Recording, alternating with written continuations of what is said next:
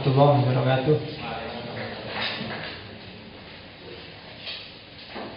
Bismillah, Alhamdulillah. Assalatu wassalamu ala rasulillah Wa ala alihi wa ashabihi wa mawala uh, Malam ini Ngaji filsafatnya kita lanjutkan dengan tema ketiga. Seperti janji saya minggu lalu Untuk minggu ini Tema kita adalah tema kebenaran. Terus Jadi Meskipun kemarin saya merencanakan kebenaran itu di epistemologi bagian akhir tapi melihat gejalanya mungkin ada baiknya saya taruh kebenaran itu di awal.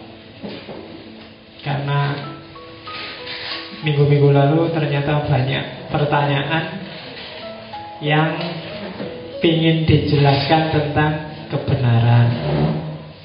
Maka hari ini kita masuk ke tema kebenaran. Kebenaran saya tidak tahu kebenaran itu seolah-olah adalah barang yang elit dalam hidup kita sehari-hari. Dalam film-film itu kebenaran itu harus dicari, harus dibela. Superman, Batman, Iron Man itu kan tugasnya adalah membela kebenaran. Kamu kalau sedang sumpek sedang itu terus baca-baca buku. Kalau ditanya apa sih yang dicari? Sedang mencari kebenaran. Ya kan? Padahal kalau ditanya beneran mungkin apa sih yang dimaksud kebenaran itu? Iron Man, Superman itu yang disebut berjuang membela kebenaran itu. Coba sekali-sekali kamu bikin analisis atau bikinlah seminar internasional yang judulnya kebenaran apa sih yang dibela oleh Superman, Batman, Hulk dan kawan-kawan itu Wong isine tawuran terus opo memang membela kebenaran apa membela? Oke ya. Jadi kebenaran Tidak ada satu orang pun di dunia ini yang tidak suka dengan kebenaran. Orang yang paling jahat, paling salah sekalipun Tidak mau dia disebut salah. Tetap dia merasa bahwa saya benar. Kecuali orang tidak waras. Iya Buktinya apa? Ya? Kalau kamu dituduh salah kan mesti pingin Enggak, saya enggak salah. Saya punya alasan. Saya punya itu kebenaran. Jadi Makanya koran-koran itu kalau nulis berita itu kan Mesti ada yang sudah jelas salah pun dia tidak mau disebut salah. Itu yang sehingga banyak orang bilang Kebenaran itu sebenarnya sifatnya Fitro Jadi naluri ya jadi tidak harus dicari tapi setiap eh, tidak harus kamu cari tapi dalam dirimu ada kualitas untuk cenderunglah pada kebenaran. Ada yang bilang itu satu di antara kalau di filosof-filosof klasik itu ide bawaan sebenarnya. Di antara yang dititipkan oleh Allah pada kita itu yang namanya ide bawaan itu ide tentang kebenaran. Jadi dulu ketika Adam turun ke bumi itu kan bahasa Al-Qur'annya wa alama Adam asma. Jadi Adam itu diajarin perangkat keilmuan untuk hidup di muka bumi. Perangkat pengetahuan. Jadi Adam nggak perlu sekolah, nggak perlu kuliah, pokoknya ditanami aja oleh Allah semacam software di kepalanya. Wa alamal asma kullaha semuanya tentang apa pun yang dia butuhkan untuk hidup di bumi dan ya akhirnya Adam sukses hidup di bumi dengan bekal itu. Itu nanti ada beberapa filosof klasik yang menyebut bahwa pada hakikatnya memang manusia membawa semacam ide bawaan. Termasuk Descartes, termasuk Kant, termasuk Aristoteles. Jadi begitu kamu lahir itu kepalamu sudah ada ide-ide bawaan. Nanti kalau di Plato lebih ekstrim lagi disebut ada dunia khusus namanya dunia ide. Dan kalau kita berpikir itu sebenarnya bukan mikir tapi mengingat-ingat aja jadi dulu di dunia itu saya pernah lihat barang kayak gini ya. Oh, nah, terus diinget-inget namanya kursi nanti ini kursi. Cara berpikir itu, itu katanya Plato tapi. Tapi yang jelas banyak filosof yang setuju bahwa ada ide bawaan. Jadi kita lahir itu tidak blank, meskipun dengan berbagai corak, dengan berbagai asumsi. Kayak Dikan itu pakai 12 kategori itu. Jadi ada alat namanya kategori jumlahnya 12 itu yang jadi bekal kita untuk hidup di dunia. Di luar panca indera yang nyari data. Jadi akal ini kayak mesinnya kayak softwarenya kayak MS Word kayak Office-nya. Nah, datanya itu dari dari luar tinggal diolah di dalam kepala itu alat oke. Kebenaran. Saya masuk ke Islam dulu karena unik kalau di Islam. Kalau di Barat kebenaran itu bahasa Inggrisnya truth. Untuk apa aja kebenaran tetap pakai istilah truth. Kebenaran. Beda sama Islam. Itu yang kenapa saya sebut duluan. Kalau di Islam ada tiga istilah untuk menyebut benar atau salah. Yang pertama pakai istilah hak. Yang kedua pakai istilah sidik yang terakhir pakai istilah soha, sah, sohe. Itu kalau kamu terjemahkan dalam bahasa Indonesia artinya sama. Benar. Sodakallahul adim Maha benar Allah. Ya kan? Wahuwal hakku dan dialah zat yang maha hak Maha benar. Sohe juga begitu. Soha makulta Jawabanmu benar. Sama-sama benar. Tapi arahnya beda. Kalau hak itu lawannya batil. Biasanya yang diomongkan hakikat atau realitas. Itu hak. Kalau di Indonesia ada hakul yakin, itu biasanya yang diomongkan tentang realitas. Bahwa Ahmad Fatona itu suka perempuan, sekarang kan sudah hak gitu, kamu sudah ngerti sendiri. Buktinya juga sudah banyak. Nggak perlu diperdebatkan lagi bahwa dia memang suka perempuan. Itu hak. Banyak hal-hal di sekelilingmu misalnya Indonesia itu benderanya merah putih itu hak. Sudah jelas tegas nyata. Maka bagi umat Islam Allah itu di antara sifatnya adalah hak.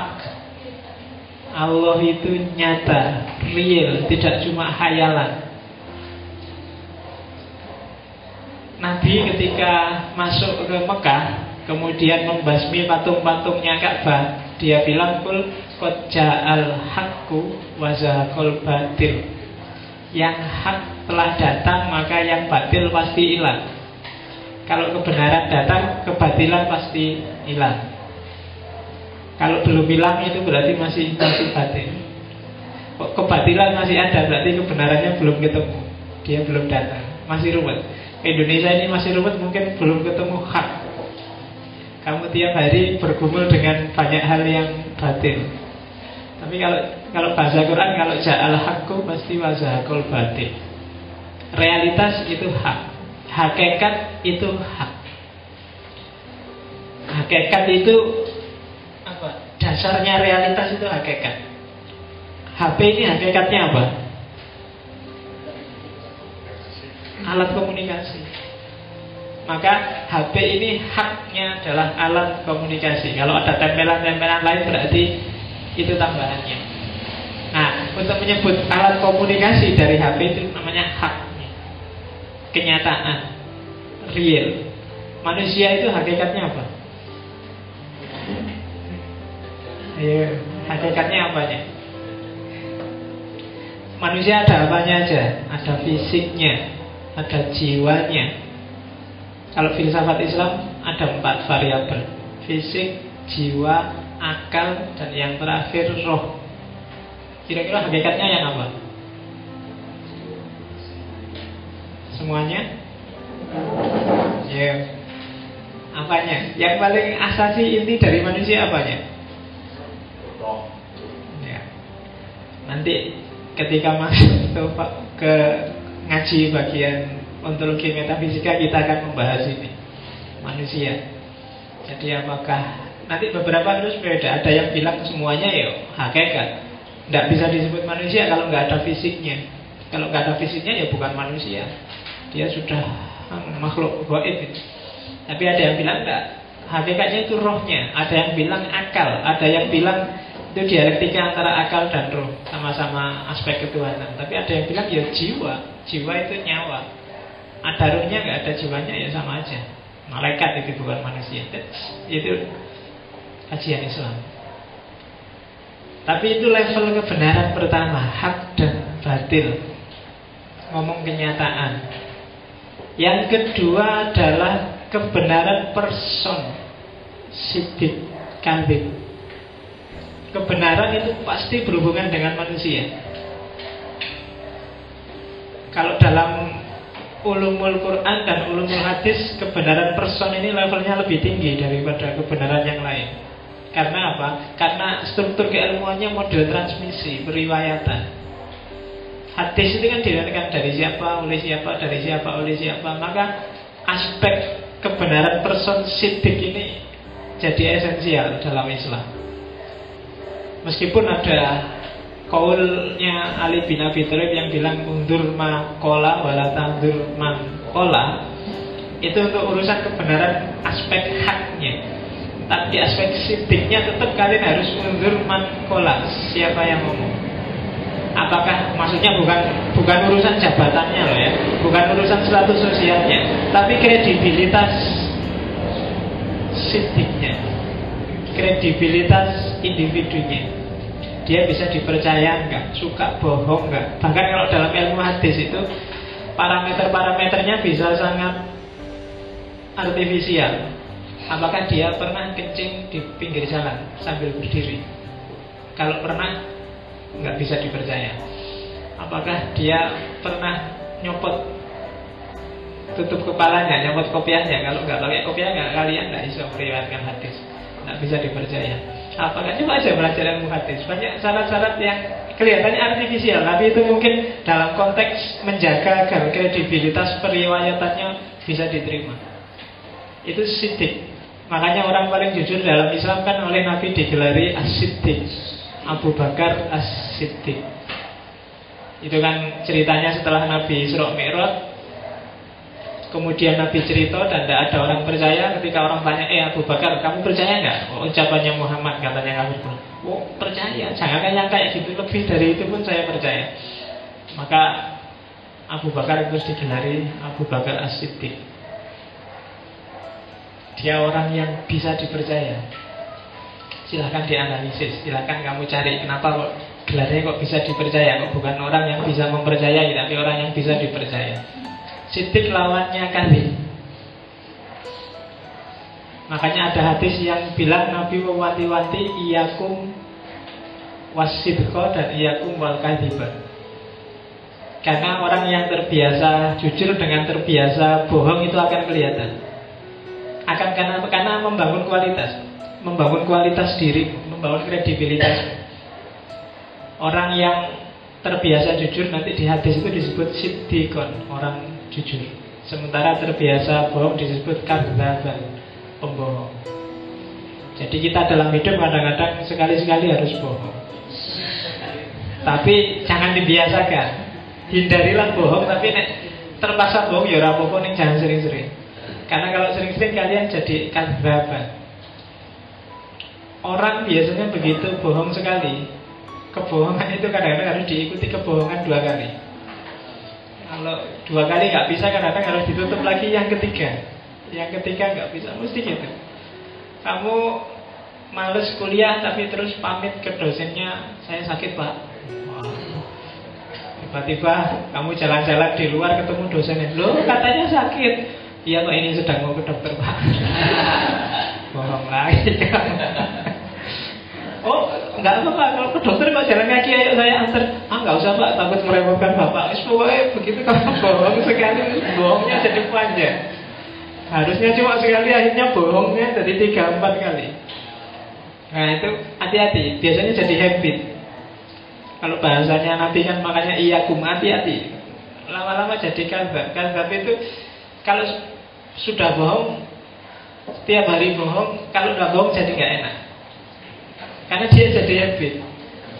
Ya kan? Dulu kalian semester 1 nggak masuk kelas, nggak masuk kuliah itu santai, anu anu takut. Wah nggak masuk jangan-jangan dosennya marah Jangan ketinggalan materi. Sekali nggak masuk. Begitu besoknya masuk Eh nggak apa-apa ternyata nggak masuk. Besok bolos lagi Bohong lagi Bolos lagi. Lama-lama biasa. Jangan-jangan bisa kebalikannya akhirnya. Kalau masuk jadi nggak enak Nggak enak ya masuk Enak bolos ternyata Iya sama kembali sitik juga begitu kalau sudah jadi habit bisa balik juga. Sholat itu mungkin kalian hari ini karena aktivis masjid semua rajin sholat semua. Maka ketika meninggalkan atau ketinggalan sholat rasanya nggak enak luar biasa. Tapi coba biasakan. Nggak enak sekali. Ah, astagfirullah ini harus dikotok ini terus kamu mati-matian. Besok telat lagi astagfirullah. Lama-lama nggak apa ya. Ternyata nggak sholat. Tidak ada apa-apa. Tidak Allah itu maha pengampun Wudhu aja dosa-dosanya rontok Santai aja. Akhirnya santai. Dan jadi nggak ada beban. Hati-hati dengan Makanya kalau di psikologi ada namanya habit of mind. Pikiranmu itu kamu yang membiasakan. Sehingga sejak dulu saya wanti-wanti Hati-hati Ngasih data ke kepalamu. Karena dia akan jadi habit yang suka survei, yang suka lihat TV, yang suka ngenet, hati-hati. Ya mungkin di internet, di TV, di komputermu kadang-kadang muncul data-data yang tidak beres. Lihat aja sekali terus buang. Ini jangan diangen-angen, apalagi dimasukkan memori. Karena mempengaruhi perilakumu. Habit of mind itu luar biasa. Ya, jadi dan itu kadang-kadang nggak sadar. Dia akan muncul secara tidak terkontrol kalau dia sudah jadi habit. Yang biasa misuh Ngomong misuh itu Solawat yang. Jadi yang yang biasa itu terbiasa. Jawa Timur itu orang-orang Jawa Timur. Saya ngomong metanan itu kalau nggak misuh nggak enak. Ya kan, kan sudah jadi habit. Terus logonya luar biasa kalau sudah. Ah, benar. Kayak gue mau. Jadi hati-hati dengan habit bahwa hidup ini isinya memang tradisi habit tapi ya kamu latihlah dengan yang bagus-bagus. Itu sidik person. Dalam Islam dihitung itu. Siapa yang ngomong jadi meskipun kadang-kadang yang diomongkan itu masuk akal tapi siapa dulu yang ngomong? Kalau yang ngomong orang itu enggak deh secara praksis real sehari-hari sebenarnya sidik ini yang lebih jalan Ruji tombol itu mungkin kadang-kadang ngomong bener. Tapi karena kebanyakan kesan kita Ruji tombol itu ngomong ya goyang ngono Akhirnya ya halah Ruji tombol. Mungkin dia pas ngomong bener.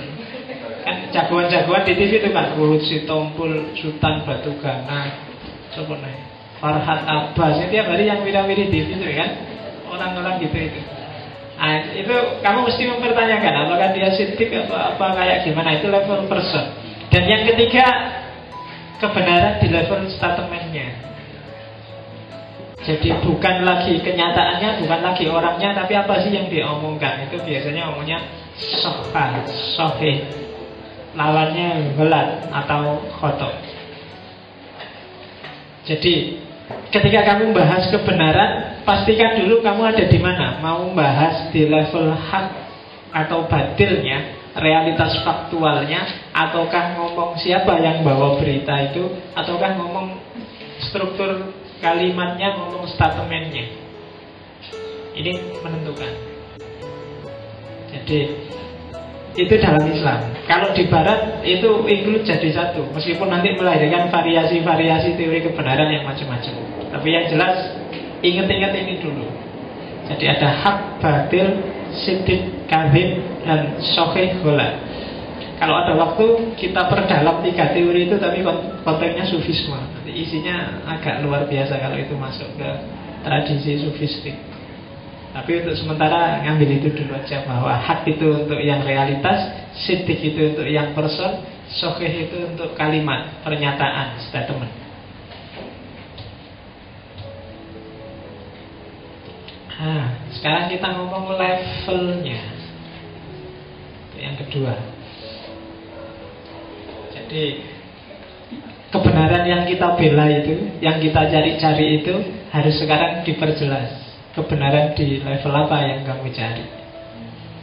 ada satu dua lah dulu saya banyak mahasiswa sing rodo gaya gaya itu sembahyang ora gelem apa-apa ora gelem gayane gitaran kuliah males kalau ditanya kamu gitu loh.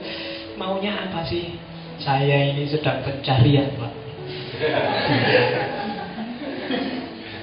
Pencarian itu nek tak godani. Pencarian itu terus kamu mau nyari apa? Nyari uang nyari apa sih yang kamu cari? Saya mau nyari kebenaran pak. Terus dia tak tanya lagi. Lah terus caramu nyari itu gimana? Kok ketemu kalau kamu cuma gitaran males kuliah males bayang itu apa? Ya terus kebenarannya ketemu. Yo belum pak. Nanti siapa ngerti dapat pencerahan.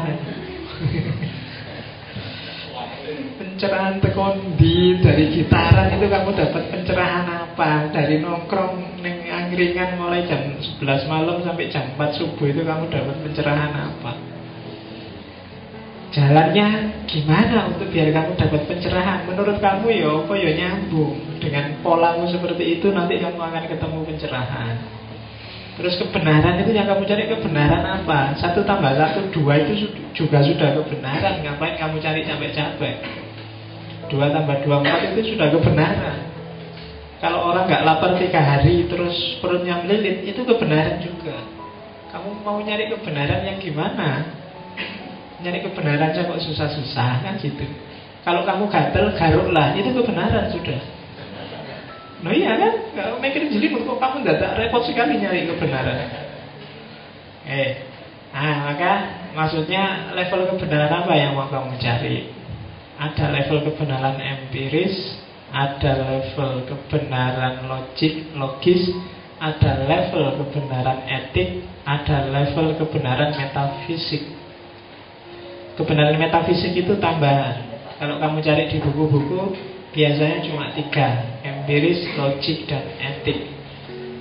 Atau kalau ada kebenaran metafisik, arahnya bukan ke eskatologis. Kalau kita yang beragama metafisik harus mengarah juga ke yang eskatologis karena kita percaya hal-hal yang eskatologis yang gaib ya kan kenapa karena dalam hidup kalau kita jeli sebenarnya dalam hidup kita yang real itu sangat sedikit yang real hari ini bagi saya adalah ruangan kelas ini kamu yang di depan saya bahkan yang di belakang saya ini gaib iya kan kalau ada cecek tiba-tiba lari ke sini aku tidak ngerti itu kan goib. Jadi barang yang tidak goib itu bagi kita itu cuma sekedar sejangkau telinga bisa mendengarkan, mata bisa melihat. Di Malioboro sekarang ada apa kan saya tidak tahu itu kan namanya goib. Yang kita nggak ngerti kan goib. Nah itu kalau kita hanya percaya yang real dan yang nyata maka dunia kita sangat sempit. Yang tidak pernah ke Arab Saudi, ya Arab itu barang goib. Ya kan? Yang nggak pernah ke Australia, Astro, Australia itu barang goib. Yang tidak pernah beli nasi goreng yang perapatan joteng sana itu itu barang goib juga karena kamu nggak ngerti kan ada nasi goreng bawa di sana. Oh, ada. Tapi itu goib. Oke. Itu kebenaran metafisik. Nanti ada levelnya sendiri. Kebenaran empirik nggak perlu dijelaskan panjang lebar. Kalian tiap hari bergumul dengan kebenaran empiris. Fakta-faktanya mudah diakses oleh indera, gampang dicerna karena dia nyata, real, apa adanya. Itu kebenaran empiris. Kebenaran yang paling mudah kamu temukan Paling gampang kamu cerna Itu kebenaran empiris Karena dia faktual, nyata Mata bisa melihat, telinga bisa mendengar Kemudian tangan bisa meraba Mulut bis Mulut ada ya Hidung Mencium itu mulut apa hidung? Hidung ya Nah, ya makanya. Kalau, kalau kamu nyium pakai mulut atau pakai hidung? Nyium pakai mulut.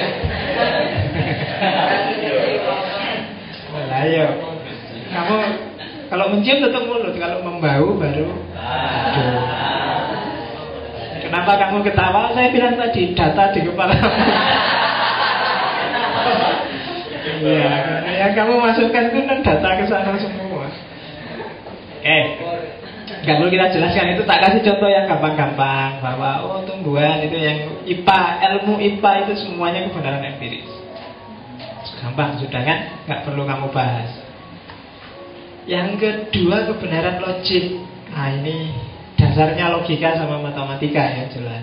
Jadi tidak berdasar fakta tapi kecanggihan reason, kecanggihan akal berpikir tentang sesuatu, kebenaran yang sah, kebenaran yang benar secara akal sehat.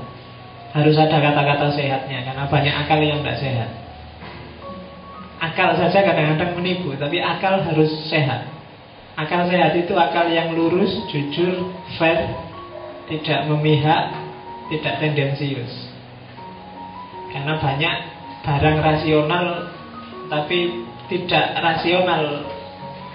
Apa? Tidak rasional sebagaimana adanya tapi rasional karena diolah.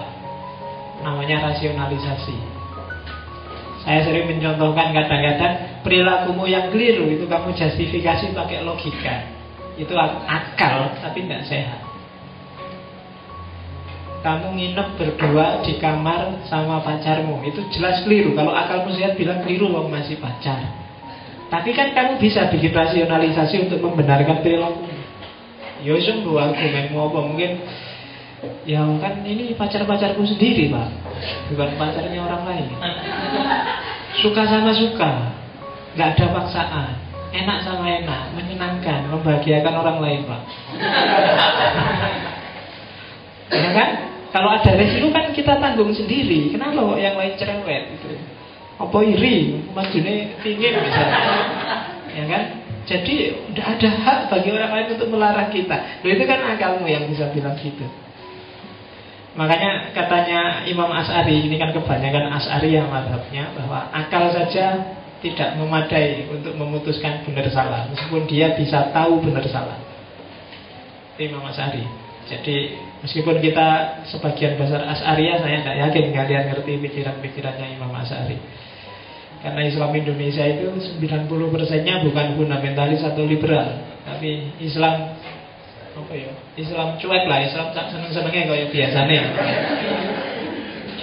Ya, dan itu kalau pemilu namanya Islam masa mengambang, berarti supaya mana orang banyak ke situ ya ke sana. Kebenaran logik.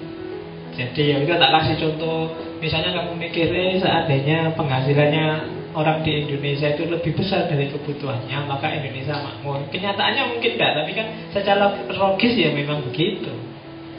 Setiap manusia pasti akan mati. Mungkin secara faktual membuktikannya juga susah. Apa kamu bisa membuktikan ketemu setiap orang di dunia kamu wawancara satu-satu? Apa selama ini ada nggak orang yang belum meninggal sejak dia lahir zaman Nabi Adam apa Kamu kan nggak tahu. Tapi secara logis kamu bisa menyimpulkan setiap manusia pasti akan mati. Karena dia kalau masih bernama manusia itu logis.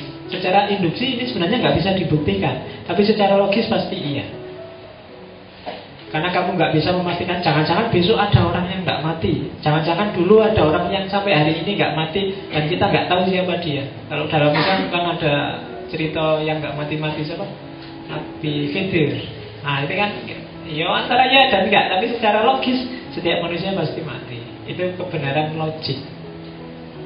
Mahasiswa itu adalah elit intelektual. Itu bagi saya juga kebenaran logik. Karena banyak juga yang secara faktual dia tidak elit Apalagi intelek. Tapi secara rasional ya harusnya elit intelektual lah. Karena dia sekolahnya paling lama Nah ya kan? SD, SMP, SMA, kuliah itu kan paling lama. Jadi maka harusnya dia harus jadi intelek Ilmunya sudah ngumpul berapa tahun itu Sudah sekolah Harusnya sudah Ini penuh dengan ilmu isi kepalanya. Maka dia elit intelektual Secara logis. Yang ketiga kebenaran etik. Kebenaran etik itu mengatur perilaku. Sebenarnya ini level kedua dari nilai. Nilai itu kan ada nilai kebenaran, nilai kebaikan, nilai keindahan. Kebenaran etik itu sebenarnya nilai kebaikan. Baik dulu. Kalau bahasa filsafatnya code of conduct, aturan perilaku, baik perilaku batin maupun perilaku lahir. Judgementnya etis atau tidak etis, baik atau tidak baik. Parameter kebenarannya hasil konvensi. Kadang-kadang etik di sini tidak etis di sana. Kalau kamu di sini harus ikut etika di sini, kalau kamu di sana harus ikut etika di sana. Itu etika, moralitas. Jadi kalau sedang di masjid jangan lari-lari, jangan nari-nari, jangan nyanyi-nyanyi misalnya. Nah itu hasil kesepakatan sebenarnya, kebenaran etis. Code of conduct. Di lokal tertentu mungkin beda. Di lokal masjid sini dengan masjid sana mungkin beda. Di sini malah ada wayangan, ada apa lagu enggak enggak enggak apa-apa. Lokal, cuma di sini boleh kok. Code of conduct-nya di sini enggak apa-apa. Kalau kamu bilang oh, itu enggak etis, enggak etis di sana. Di lokal yang lain di sini etis. Code of conduct itu etika itu hasil kesepakatan sosial. Ya, jadi kesepakatan bersama. Tidak apa-apa. Sekali-sekali nonton film bersama di masjid. Dulu filmnya apa dulu tapi kan. Iya, jadi tidak apa-apa. Itu code of conduct itu kan tinggal disepakati enggak? Kita setuju enggak? Kan gitu. Value yang diperjuangkan setiap horizon sosial itu beda-beda. Maka kebenaran etiknya beda-beda. Misalnya orang Jawa kebenaran etik itu basisnya sebagian besar adalah harmoni.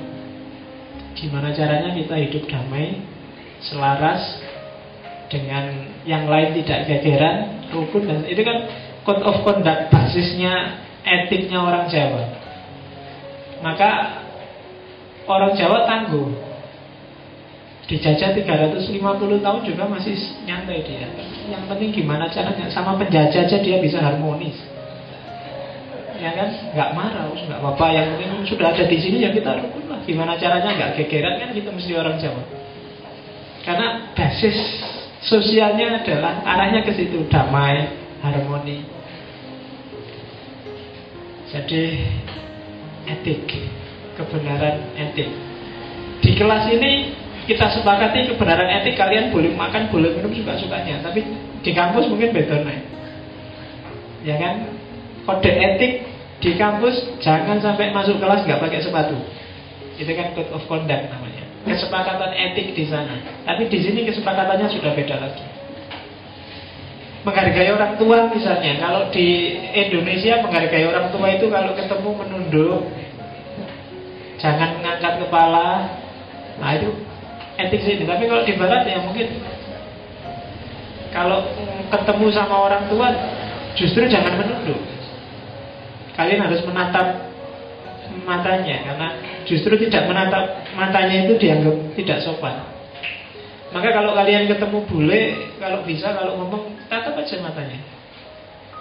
Karena kalau bagi mereka ngomong nggak natap mata itu dianggap melecehkan.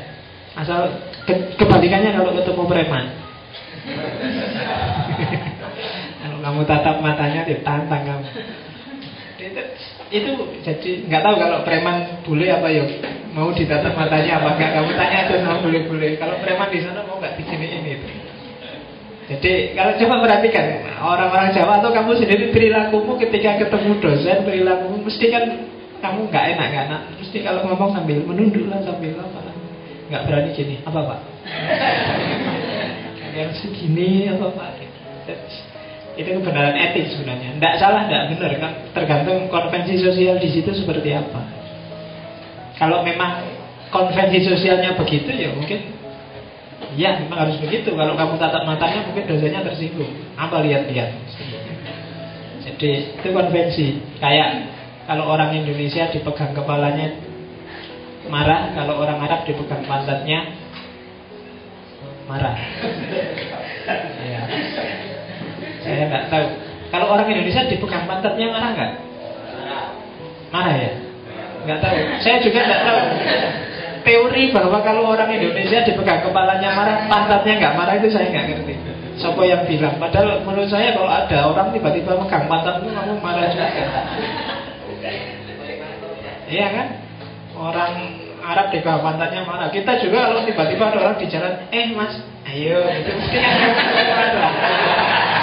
ya kan? Emangnya apa kok diem-diem megang kepala, kan megang pantat. Oke, kebenaran etik. Ini masih panjang teori kebenaran. Kebenaran metafisik ini baru ngomong levelnya saya, belum ngomong jenisnya, belum ngomong variasi bahasanya, belum ngomong. Jadi agak panjang. Jadi siapkan mental minumnya kalau habis ngambil lagi. Kebenaran metafisik.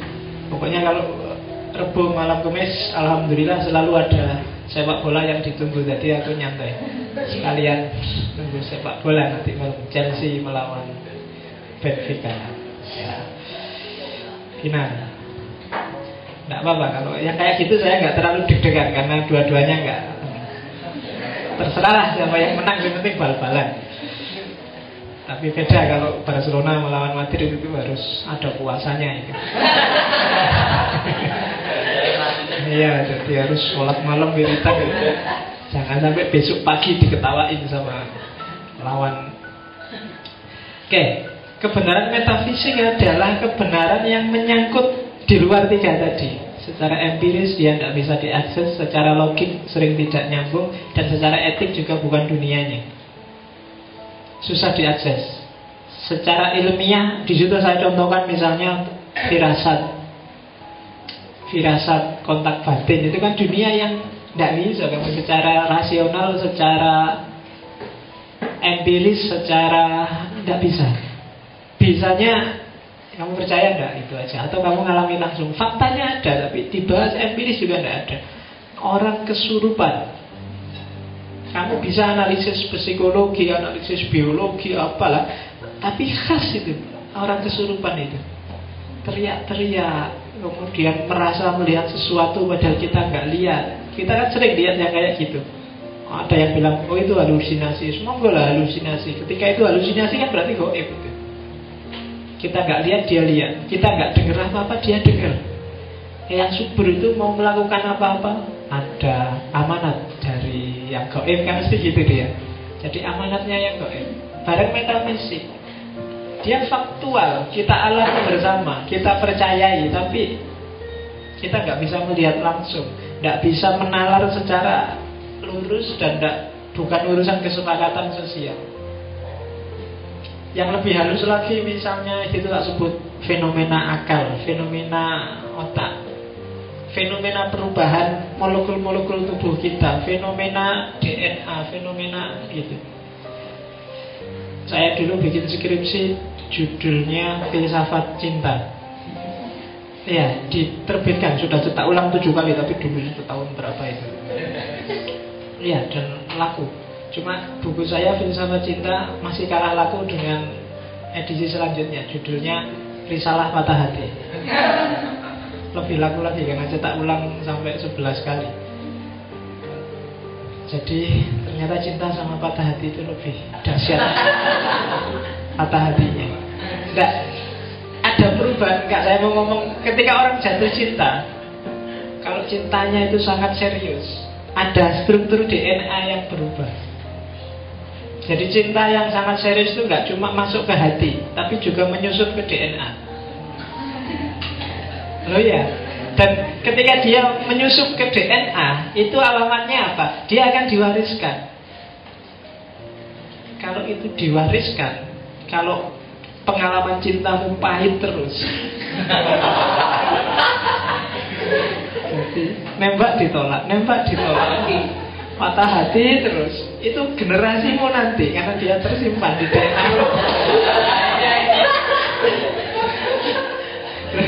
DNA itu kan fotokopi struktur sejarahmu yang akan datang Jadi hati-hati nanti Anak-anakmu juga terpengaruh Mewarisi Iya. Makanya kalau seneng jangan terlalu dimasukkan sebelum jadi istri. Setengah-setengah aja lah. Saya. iya. Nanti berpengaruh. Ya kalau bahasa secara psikologis generasi selanjutnya anak-anakmu nanti akan jadi generasi yang murung. apa generasi yang murung ini generasi yang tidak ceria karena bapaknya ditolak terus iya Loh itu nggak bisa kamu cek DNA kayak gimana sih pak itu metafisik kebenarannya. Ya nanti caranya mengukurnya macam-macam lah. Tapi level-level. Jadi kalau ada orang ngomong yang kayak gini, oh ini level metafisik, saya nggak bisa menjudgementnya secara rasional, nggak bisa apalagi empiris, etik juga belum nyampe. Jadi, oh ini orang ngomong metafisik levelnya. Jangan debat. Kalau debat di level metafisik, apalagi debatnya pakai akal, mesti nggak ada ujungnya. Nggak akan selesai. Banyak hal metafisik, apalagi yang eskatologis di agama itu tinggal kamu percaya apa enggak gitu aja. Makanya agama itu kan basis utamanya iman, bukan akal. Akal itu penopangnya. Nah, jadi perhatikan aja kalau kamu diskusi membahas sesuatu perhatikan ini levelnya level apa dulu. Level empiris kan? Kalau level empiris perhatikan fakta faktualnya, bukti nyatanya apa yang penting. Kemudian kalau itu logika, konsistensi berpikirnya, perhatikan. Kalau itu etika, dilihat konvensi-konvensi yang berlaku. Kalau itu metafisika, lihat basis kepercayaannya. Ya kan? Kamu kepercayaan itu kayak gimana? Ini daya ini, ah, kayak gitu. Ini malaikat yang bikin ini, sehingga ah itu aspek kebenaran metafisika saya lanjutkan. Oke ya, sudah level-levelnya ya. Sekarang masuk ke jenis-jenisnya. Jenis kebenaran yang pertama adalah kebenaran bukan proporsional tapi proposisional. Kebenaran kalimat, kebenaran proposisi, pernyataan.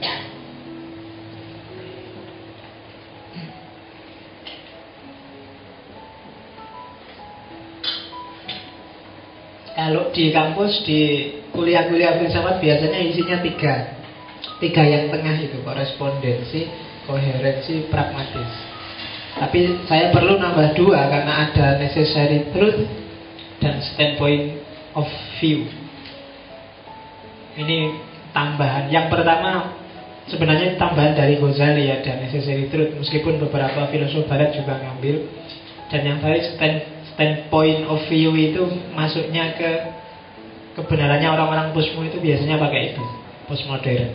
Tapi yang kebenaran profesional yang tradisional itu yang tiga tengah itu korespondensi koherensi sama pragmatis necessary truth saya masukkan kalau bahasanya Ghazali itu at-tabadur ilal fahm yang langsung dipahami orang necessary truth itu kebenaran yang niscaya. Jadi yang nggak usah mikir juga sudah ketahuan jawabannya. Setengah itu lebih kecil daripada satu itu nggak usah mikir kamu. Nggak usah kamu bikin analisis-analisis mendalam. Iya, langsung kamu bisa. Iya. Jadi saya sejak pagi belum makan ini kenapa kok perut saya kerucuk-kerucuk ini ada fenomena apa ini enggak ya itu necessary truth langsung aja disimpulkan ya mesti lapar jadi nggak harus berpikir panjang kalau di Ghazali contohnya misalnya keberadaan Tuhan. Kamu nggak harus mikir panjang kok. Lihat aja betapa presisinya alam semesta ini. Itu menunjukkan pasti ada yang ngatur nggak mungkin kebetulan. Kalau kebetulan itu satu dua. Tapi ini semuanya pas. Kayak bumi ini kan pas. Matahari itu lebih dekat beberapa senti atau lebih jauh beberapa senti kacau sudah bumi. Nggak akan bisa ada kehidupan. Lebih dekat dikit pasti buminya beku lebih jauh dikit eh pasti buminya kebakar lebih jauh dikit buminya beku suhu juga begitu. Kok pas ya bisa ditinggali manusia? Dan seterusnya. Banyak hal yang presisi itu membuktikan itu pasti ada Tuhan ini. Nggak mungkin kebetulan. Yang bisa bikin makhluk hidup serumit manusia kayak gini nih nggak mungkin kebetulan deh. Kalau kebetulan kok iso sekompleks ini ya bisa senang, bisa susah, bisa patah hati, bisa jatuh cinta, bisa ketawa-ketawa, bisa itu kompleks sekali rumit. Dunia yang luas ini diper, sisi kecil apa ya bentuk kecilnya adalah manusia mikrokosmos dan itu nggak mungkin kebetulan pasti ada yang bikin. Itu necessary sebenarnya. Pasti ada Tuhan, pasti ada sesuatu yang di luar manusia yang bikin dia ada. Kenapa? Karena nggak mungkin manusia yang kompleks ini menyebabkan dirinya sendiri. Jadi sebab bagi dirinya sendiri itu necessary truth. Niscaya. Ya banyak necessary truth itu. Orang itu kalau secara etis misalnya orang itu kalau dipuji senang, kalau dikritik mesti rasanya tidak enak. Itu, itu necessary truth. Maka jangan bikin diskusi, jangan bikin forum, takmirnya jangan bikin kajian yang tema-tema necessary truth. Mesti nggak ada yang tanya. Iya, karena lu ngapain dijelas? Ya sudah jelas memang begitu. Ya kan? Jadi maka jangan bikin judul yang sudah jelas. Nikmatnya malam pertama itu mesti wes. Gak usah dibahas. Kamu nggak usah indahnya nikah. Ayo mesti. Ya. Jadi kan banyak buku-buku sekarang gitu kan indahnya kawin muda. Ya kan? Yang yang itu bukan mudanya maksudnya, kawinnya itu loh. Titik tekannya kan bukan pada muda atau tuanya, kawinnya di mana-mana kawin mesti indah. Itu necessary truth. Kebenaran yang niscaya. Kebenaran yang susah dibantah, memang gitu.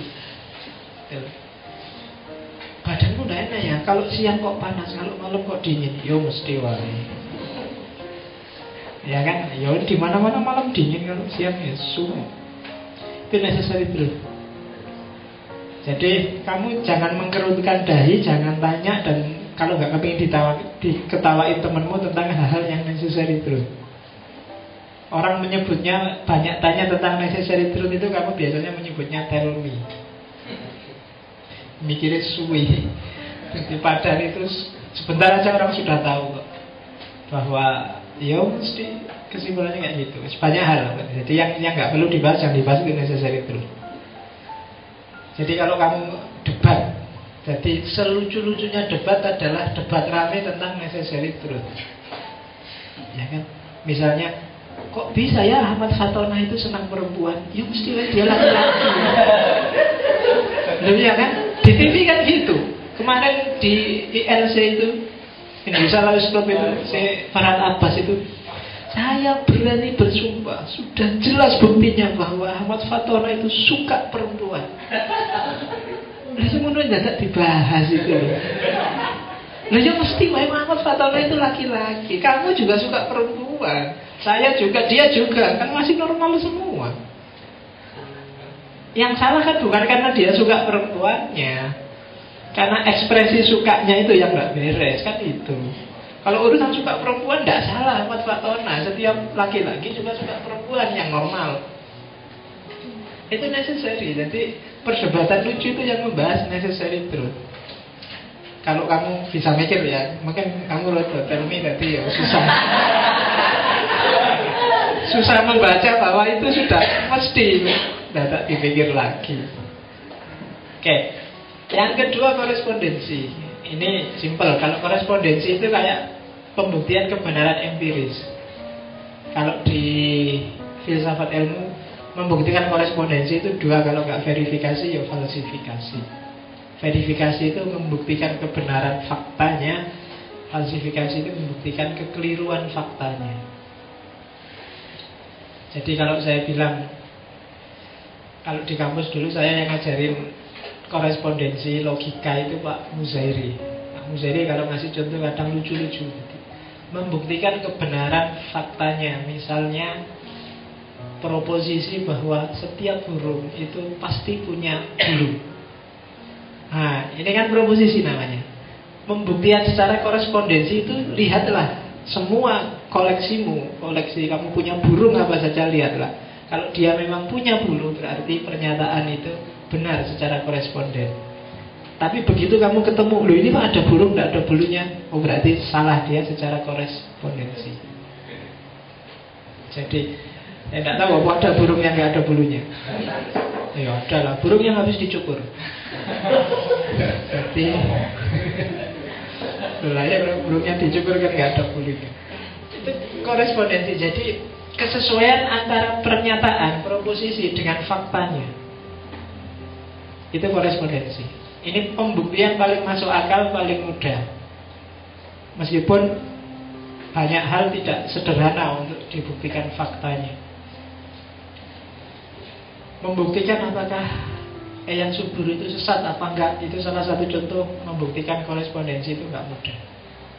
Karena fakta itu tidak selalu bisa ngomong sendiri Sebelum ada perspektif atau teori yang mengerangkainya Jadi kalau saya ngomong masjid ini maju sekali ya Itu dibuktikan secara faktual Kamu mesti tanya apanya dulu Yang disebut maju. Kan gitu.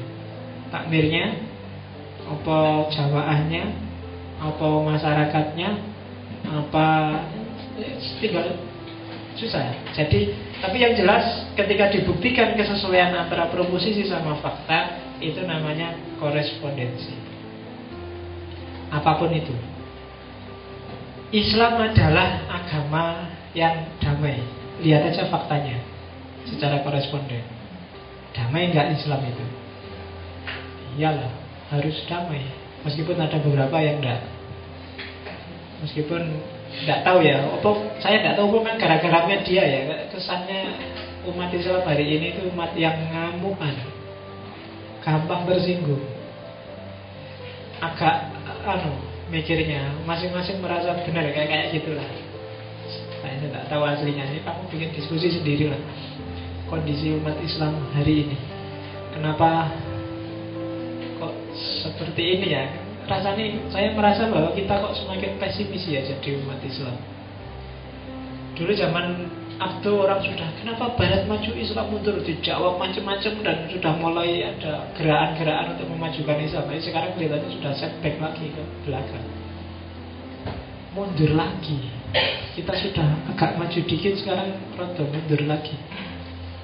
Nggak tahu karena apa kamu lah yang apa memang karena generasi Islam selanjutnya itu seperti kita ini. Jadi ah kalau generasinya kayak gini ya mau apa yang diharapin? Apa ya gitu ya? Tapi saya tidak tahu. Tapi cobalah sekali-sekali bikin refleksi bersama bikin apa ya kalau kelompok-kelompok Islam yang agak keras itu punya halakoh punya anu yang apa muhasabah mujahadah itu sekali-sekali kita bikin mujahadah malam-malam yang agak serius tapi bukan mujahadah sambil nonton bola.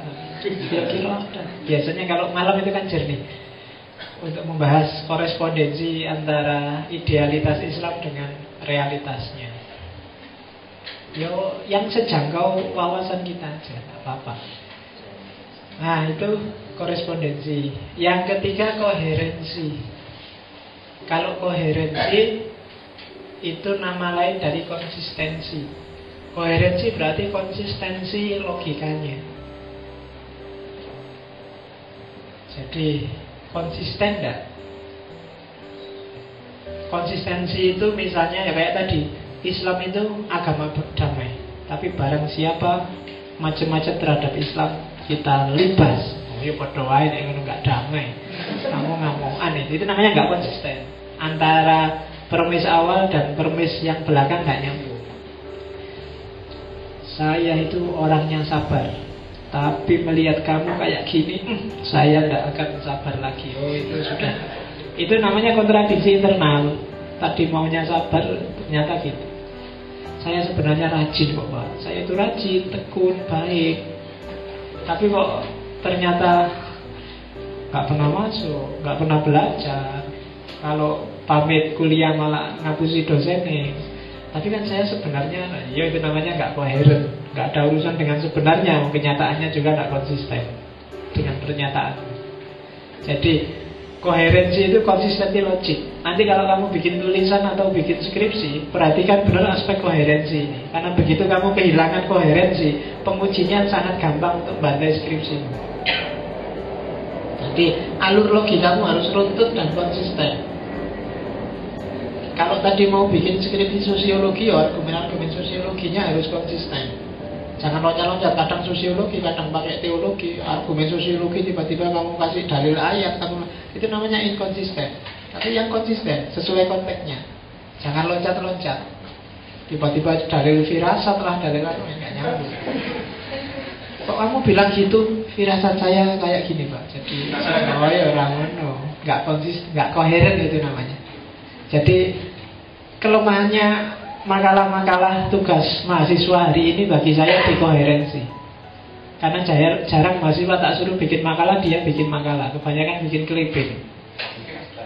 Oh iya, jadi ngambil dari buku ini atau dari web mana dipotong taruh, dipotong taruh, disambung-sambung, jadi satu dikasih judul dikumpulin. Ya kan? Itu bagi saya bukan makalah, itu clipping. Dan kelemahannya clipping adalah dia tidak ada alur logikanya mesti kacau. Kadang-kadang gaya bahasanya pun sangat kelihatan. Bagian awal ngomongnya santai sekali, begitu masuk paragraf kedua serius. Begitu masuk paragraf ketiga, nanti kelihatan gaya bahasa itu. Makanya kamu hati-hati. Kalau kamu mau curang ngambil dari internet, olah sendiri gaya bahasanya. Perhatikan lagi, karena begitu kamu potong-potong mesti nggak coherent sudah. Kelihatan. Jadi koherensi adalah menguji benar salahnya pernyataan dari aspek konsistensi logisnya. Yang ketiga pragmatis. Empat. Pragmatis itu benar salah peduli amat dengan korespondensi, peduli amat dengan koherensi atau necessary. Yang penting sukses. Yang penting nyampe tujuannya. Itu pragmatis. Jadi Idealnya sih kita ngaji filsafat itu harusnya dapat ilmu, dapat pencerahan, dapat anu peduli amat pak saya ke sini cuma daripada nganggur lumayan ada teh, ada teman ngobrol ada itu. Iya kan? Pragmatis saja pak daripada saya di angkringan bayar.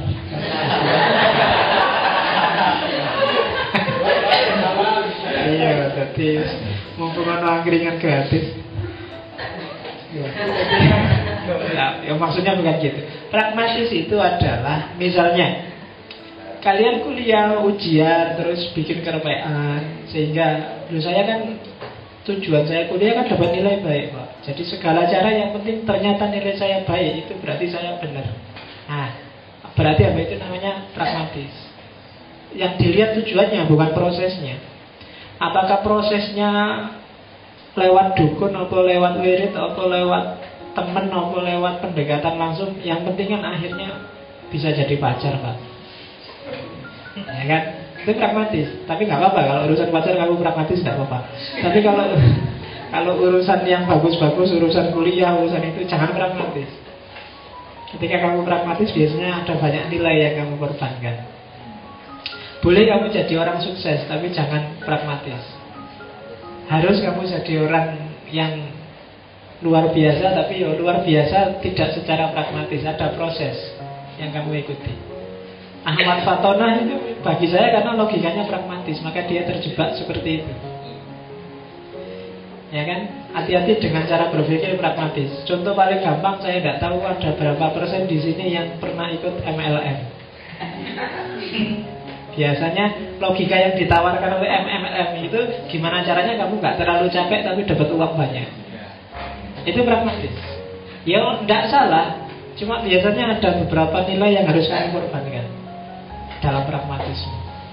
Dalam konteks tertentu pragmatis itu luar biasa juga. Agama itu karena bagi orang barat salah, tapi secara pragmatis mungkin benar. Gara-gara agama kamu bisa hidup tertib, Gara-gara agama kamu menghargai orang Gara-gara agama kamu bisa belajar Jadi dia bermanfaat. Meskipun secara korespondensi, koherensi Mungkin nggak masuk akal lah, nggak ada gunanya. Tapi secara pragmatis Ternyata menguntungkan agama itu. Itu pragmatis. Ada seorang filosof namanya Pascal. Dia kalau ditanya Eh sampai filosof kok percaya sama Tuhan? Oh bagi saya Secara pragmatis kita harus beriman.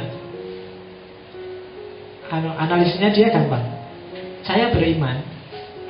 Kalau ternyata memang Tuhan itu tidak ada, akhirat itu tidak ada, tidak apa-apa. Saya hidup sudah untung, sudah banyak manfaat dari keimanan saya. Saya punya banyak teman, saya hidupnya jadi tertib, hidupnya jadi baik. Kok ternyata besok nggak ada Tuhan, nggak ada apa-apa, ya berarti kan kita sama-sama. Yang nggak percaya Tuhan juga nggak dapat apa-apa. Tapi kok ternyata Tuhan memang ada, akhirat memang ada, saya kan lumayan. Saya selamat, kamu tidak selamat. ya kan? Kalau Tuhan nggak ada ya kita sama-sama aja, sama-sama levelnya sama, sama amannya kan. Tuhan memang nggak ada, nggak ada pembalasan, nggak ada apa-apa, sama-sama aman. Tapi saya sudah untung di dunia hidupku tertib dan macam-macam. Tapi kalau Tuhan ada, nah saya selamat, kamu tidak selamat. Jadi secara pragmatis lebih baik kamu percaya sama Tuhan. Katanya Pascal. Jadi enaknya beragama itu kan itu. Kalau kamu sudah judeng ditanya orang ruwet-ruwet, pragmatis saja. Sing penting kan untung pak, sing penting kan enak pak, sing penting kan nyaman pak. Itu jawaban-jawaban pragmatis. Jadi kok mau maunya sih kamu bela-belain lihat bola lo itu kan demi kepuasan pak. Sing penting nyaman pak, sing penting ah, itu biasanya jawaban pragmatis. Kalau ditanya apa sih dasarnya kamu bela-bela Barcelona itu? Dia kalau juara juga kamu nggak dapat apa-apa. Kalau kalah kamu ikut mangkel, kalau menang kamu ikut seneng-seneng. Loh kan yang penting seneng pak, itulah seninya. Itu biasanya jawaban pragmatis. Jadi pokoknya ketika kamu susah berargumen, jawablah secara pragmatis. Biasanya orang pragmatis jawaban paling sering saya dengar adalah suka-suka gue dong. Kok kamu usil? Saya seneng kok. Yang kelima kebenaran standpoint. Saya bilang tadi kebenaran standpoint ini kebenaran sudut pandang. Bagi orang kosmo tidak ada kebenaran yang komprehensif. Setiap kebenaran itu selalu perspektif. Kenapa? Karena manusia terbatas. Dengan keterbatasannya ketika dia melihat realitas pasti hasilnya tidak utuh. Kayak contoh misalnya HP saya ini menurut kamu dominan warna putihnya atau dominan warna hitamnya? Putih ya. Tapi kalau saya bagi saya dominan warna hitamnya. Kenapa? Saya lihat dari sini. Ya kan? Kalian lihat dari sana. Realitas selalu begini. Jadi orang melihat peristiwa, melihat fakta, melihat fenomena itu selalu sesuai perspektifnya masing-masing. Maka kebenaran selalu standpoint, sudut pandang. Kamu lihat dari sisi mananya dulu. Orang yang merampok misalnya dia maling di Indomaret, maling dia. Dari sisi malingnya dia salah, tapi mungkin orang lain yang melihat sisi misalnya anaknya yang kecil-kecil yang butuh makan, istrinya yang sakit-sakitan, butuh biaya berobat, mungkin bagi dari sudut pandang ini kamu Ya lah, tidak apa-apa lah, maling lah kalau gitu, Om Negoro juga nggak ngopeni kok. Ya kan? Dari sisi itu mungkin kamu bisa toleran. Ya itulah Indomaret sudah konglomerat di mana-mana biar aja. Itu standpoint. Tinggal kamu lihat dari sisi mananya. Banyak hal-hal dilematis yang harus kamu jawab. Tidak apa-apa kamu pilih perspektif sesuai standpointmu, asal kamu jujur dan fair. Jadi jawabanmu tidak kamu anggap segalanya. Kalau kayak Robin Hood itu benar apa salah? Itu jawabnya mesti harus perspektif. Sisi apanya dulu? Sisi malingnya apa sisi bantu orang miskinnya? Sisi malingnya jelas salah, tapi sisi bantu orang miskinnya boleh. Ya meskipun secara umum banyak orang ya tidak boleh masa orang bantu orang sambil nyuri. Itu sama dengan korupsi terus disumbangkan masjid. Saya tidak tahu kalau ada koruptor tiba-tiba ke masjid sini, kamu masjid ini tak sumbang satu miliar mau nggak? Mau aja ya. Serapok itu kan urusannya dia penting disumbang kalau takmirnya nggak mau suruh ke rumah saya aja. Pencucian uang.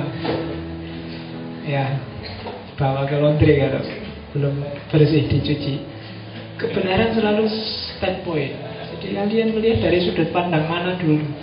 Ya kalau yang Robin Hood tadi ada ada kok itu usul kalau saya lupa yang ngomong ya apa Ghazali apa siapa yang bilang bahwa jangan kita mencuci baju pakai air kencing. Jadi mencuci baju pakai air kencing itu tidak bikin bersih, tapi malah mengotori yang mau dicuci. Jadi korupsi untuk nyumbang masjid itu seperti mencuci baju dengan air kencing. Coba aja kamu bikin tulisan besar-besar di koran tentang koruptor dengan judul itu mencuci baju pakai air kencing. Bonusnya Vitalia sama Iya. Iya, Vitalia Sesa sama Ayu Azhari. Jadi standpoint. Dalam diskusi-diskusi coba perhatikan karena setiap orang punya standpoint sendiri-sendiri sesuai konteks hidupnya sendiri-sendiri. Itu kunci pokoknya. Orang sering ngayal-ngayalan karena sebenarnya cuma beda sudut pandang, beda standpoint.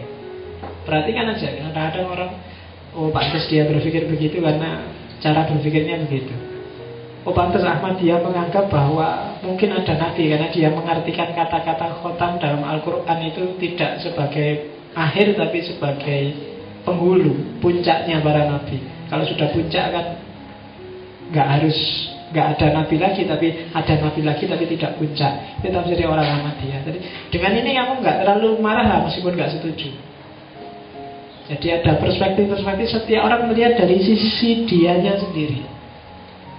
Yang Jabariyah setuju Jabariyah, yang Qadariyah setuju Qadariyah, yang NU NU, yang Muhammadiyah Muhammadiyah, dia melihat angle-nya sendiri dengan kacamatanya sendiri. Yang Wahabi menuduh NU itu melakukan hal-hal yang bid'ah sementara yang NU merasa dirinya melakukan hal-hal yang sunnah. Sunnah dibid'atkan, bid'ah disunahkan Nah itu debatnya dua orang itu. Itu sebenarnya mungkin hanya cuma beda angle Beda standpoint. Sekali-sekali kamu bikin tesis itu Kemudian garaplah perdebatan besar Antara misalnya fundamentalisme dan liberalisme Jangan-jangan itu memang beda sudut pandang. Yang satu mencomot ayat-ayat liberal Yang satu mencomot ayat-ayat fundamental. Jabariyah sama Qadariyah itu sama-sama punya dalil Al-Quran. Yang Jabariyah mungkin dalilnya Wama romaita idromaita Sementara yang Qadariyah bilang Innallaha la yuhaziru mabikum Ya semoga Dalil tinggal dalil kamu milih yang mana Al-Quran itu memang isinya hal-hal yang umum general Spesifik peristiwanya kamu tinggal menyesuaikan Kayak saya bilang kemarin kan Yang punya pacar pakai dalil Waj'alnakum su'uba wa qabaila li ta'ala. Nanti yang enggak iya, yang enggak punya pacar dalilnya wala takrobus zina.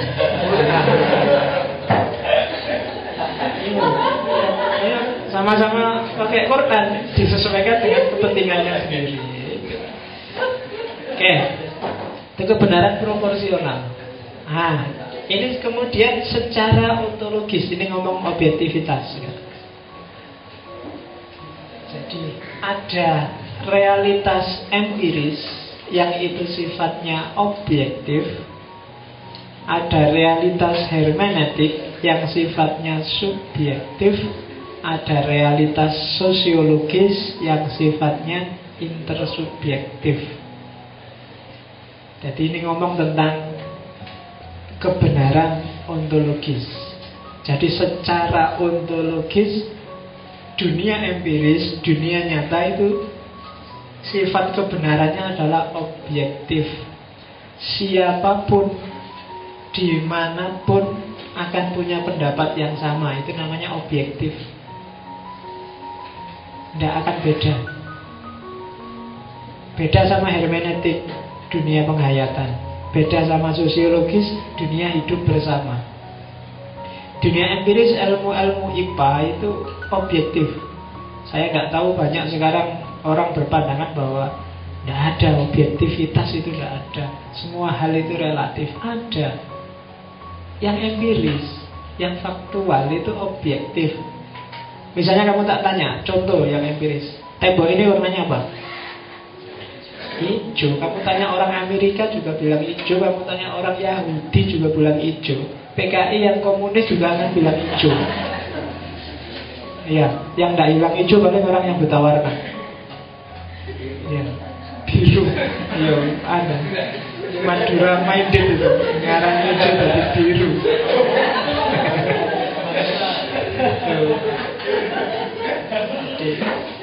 Hati-hati kalau sama yang Madura Oke, jadi orang Madura itu nggak pernah mata duitan, matanya hijau itu nggak pernah. Karena hijau itu sama dengan biru berarti. Matanya biru sering. Oke, ini Ini empiris, faktual bahwa tembok ini warnanya hijau itu objektif. Jadi kalau ada yang bilang, tapi kan segala sesuatu itu relatif Pak, tergantung persepsinya. Enggak, untuk yang empiris tidak tergantung apa-apa. Karena hijau. Setiap orang juga akan bilang hijau. Kalau ada temanku yang ngeyel, lo enggak ini enggak hijau, tergantung dari perspektif mana. Kamu ngalah aja daripada tahu. ya kan, terus kamu wis sing waras ngalah lah, wis apa pun enggak mau anggap hijau ya apa Tapi ini hijau. Itu objektif sudah. Karena dia levelnya empiris. Matahari itu terbit di timur, tenggelam di barat, objektif kalau ada yang ngeyel, oh enggak bisa, kita lihatnya dari mana? Timur. Oh, iya, wis lah surah apa-apa Nah, daripada energimu habis, waktumu habis untuk debat yang nggak perlu, waktu itu sudah fakta, kenyataan. Bagi orang yang akalnya masih waras juga akan bilang timur. Timur ya sana, kecuali kamu bingung. Jadi itu level pertama. Banyak hal yang objektif faktual. Al-Quran itu pasti benar Itu aspek objektifnya. Tapi tafsirnya orang terhadap Al-Quran tidak pasti benar. Maka hal-hal yang empiris dan faktual Dunia IPA Itu labelnya biasanya objektif. Bahwa Amerika menyerang Afghanistan Menyerang Irak secara faktual memang dia nyerang Irak kok, nyerang Afghanistan kok. Urusan motifnya apa, dia salah apa, benar dia. Itu urusan selanjutnya, tapi secara faktual objektif dia kan menyerang Irak dan menyerang Afghanistan. Jadi itu dunia ipahnya. Saya minum teh, itu kan objektif. Ya kan? Kamu tanya orang Amerika juga bilang saya minum. Gak ada yang bilang, lo sedang ketawa, apa sedang duduk, apa enggak, minum. Dan minum itu fakta yang objektif Bahwa minum ini cuma ngasih contoh apa karena memang haus apa karena ah, itu urusan itu Sudah di luar fakta sudah Sudah tidak objektif lagi Itu sudah masuk dunia kedua Kedua namanya dunia hermeneutik motifku apa sih minum, tujuanku apa sih saya minum tadi, ya itu sudah subjektif sudah. Penghayatan, penafsiran masing-masing orang sudah beda. Oh, minum itu cuma ngasih contoh tadi. Oh, minum itu karena memang haus. Oh, minum itu karena memang menggeragas bolak-balik minum. Iya kan? Tafsirmu sudah bolak-balik minum. Barusan minum sudah minum lagi, minum lagi. Itu secara hermeneutik subjektif sudah, tafsirmu sudah subjektif. Faktanya adalah bahwa tembok ini hijau.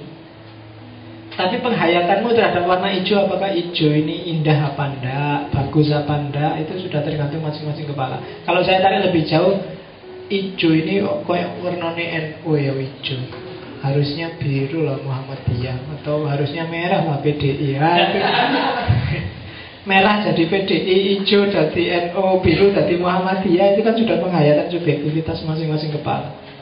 Hijau ya hijau, merah ya merah, tapi kan merah terus wah PDI. Kalau kotak-kotak mesti Jokowi. ya kan? Penghayatan. Merah putih itu merah berarti berani, putih berarti suci. Merahnya sama, tapi kalau di pinggir jalan lampu merah berarti berhenti. Kalau kebalik kamu gawat. Lampu merah, merah berarti berani. Ciloko kan ya. Ya kan itu kan menghayatkan subjektifnya atau Indonesia. Kenapa kok Indonesia ini tidak maju-maju? Karena bendera benderanya warna merah. Merah itu berarti berhenti.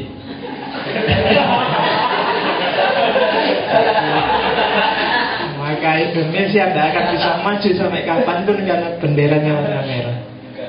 Harusnya diganti hijau Pak Pilih jalan. Jadi besok usullah ke presiden Biar Indonesia cepat maju Benderanya diganti Bendera warna hijau dan putih. Itu sebenarnya penghayatan subjektif. Sama-sama merah yang satu berhenti Yang satu berhenti penghayatan. Karena kamu di Indonesia kamu merasa oh jangan merah ah merah nanti kayak PDI sementara orang Amerika enggak merah itu ya ya merah aja mungkin dia punya kesan apa yang lain. Hijau itu warna kesukaannya Nabi misalnya orang Arab tapi ini orang sini hijau itu ya NU musola itu hijau atau biru itu Muhammadiyah itu jangan biru. Tapi yang politik biru itu bukan Muhammadiyah Demokrat atau itu tergantung penghayatan individualmu sehari-hari. Gitu. kesan pemahaman yang subjektif itu kan sudah tergantung isi kepalamu masing-masing. Itu penghayatan. Faktanya adalah orang yang pakai rok mini. Ayo komentarmu apa masing-masing? Ya kan? Macam-macam sudah. Ada yang astagfirullah. Ada yang subhanallah ada yang alhamdulillah, ada yang innalillahi, ada yang ya, itu kan masing-masing. Yang astagfirullah istighfar, masya Allah kok bisa gitu ya. Ada yang alhamdulillah, kapan lagi bisa lihat? Ada yang subhanallah, Allah itu memang maha indah. Cuma lihat Orang pakai rok ini kamu kan sudah berpikir terus Astagfirullah istighfar. Kan Pahalanya besar dia Mendorong orang untuk berpikir. Jadi Ya itu penghayatan individual. Dunia yang level kedua ini Ada yang istighfar, ada yang maki-maki Ada itu sudah dunia subjektif. Tapi fakta objektifnya adalah perempuan pakai rok mini Itu objektif. Setiap orang juga akan mendeskripsikannya secara sama. Ada perempuan pakai rok mini Cuma kemudian kamu anggap sopan, tidak sopan, tidak islami, melanggar syariat macam-macam itu sudah sudah definisi subjektif tergantung masing-masing kepala. Mungkin dulu kamu masih lugu baru datang dari pondok dari kampung begitu masuk Jogja naik bis kota lihat orang pakai rok mini astagfirullah astagfirullah. Sekarang sudah semester 4 ke atas begitu. Alhamdulillah wiritannya sudah berubah sekarang kan berarti zikirnya itu sudah ganti. Itu kalau kamu tanya lulu yang benar terus yang mana pak? Penghayatan individual yang menentukan. Jadi iya. Subjektif penghayatan subjektifmu masing-masing. Dan ada dunia yang ketiga dunia sosiologis. Kebenarannya adalah kebenaran intersubjektif subjektif. Jadi masing-masing subjek saling sepakat. Jadi intersubjektif itu sebenarnya subjektif dia, penghayatan individual seseorang. Cuma ternyata orang yang lain juga menghayati hal yang sama kemudian menyepakati bahwa itulah yang benar. Jadi kebenaran yang sifatnya konvensi, konvensional, kesepakatan. Dia tidak benar secara hakiki faktual atau penghayatan masing tapi penghayatan bersama. Misalnya apa ya kalau di daerah-daerah sini tempatnya anak-anak kos itu biasanya Pak RT-nya bikin aturan bahwa apel paling lambat pulang jam 9 di sini ya. Kasihan kan ya jam 9 masih sore. Enggak.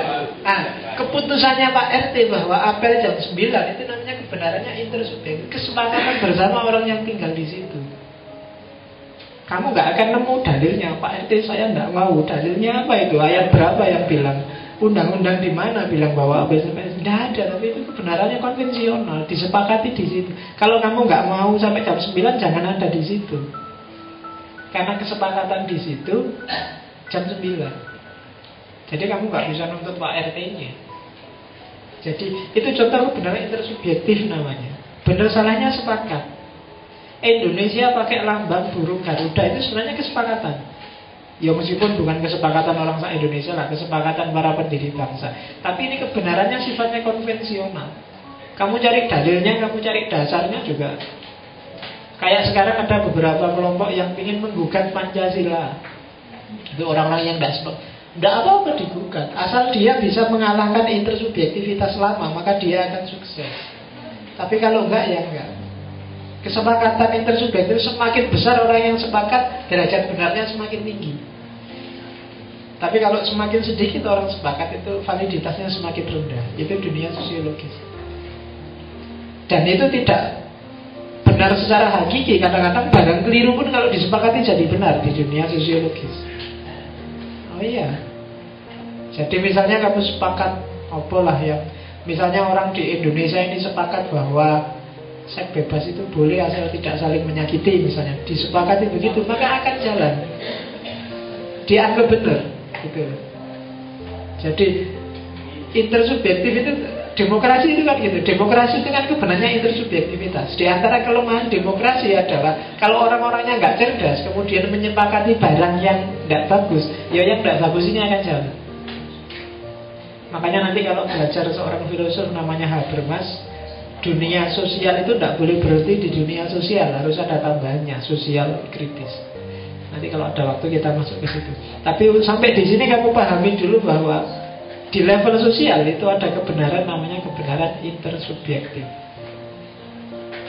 Jadi maka besok kalau diskusi mencari kebenaran Perhatikan dulu ini dunia faktual yang subjektif atau pemahaman individu eh dunia faktual yang objektif atau pemahaman individual yang subjektif atau sebenarnya ini membahas konvensi-konvensi.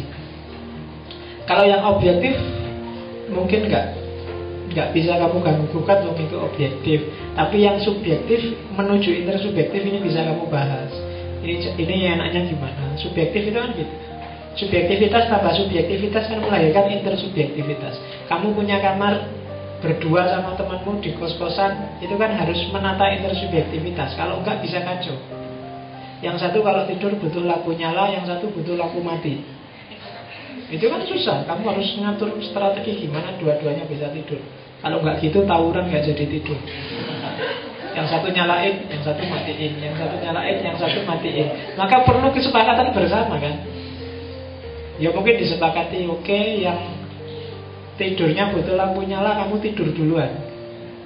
Nanti begitu dia tidur dimatiin, yang butuh lampu mati tidur.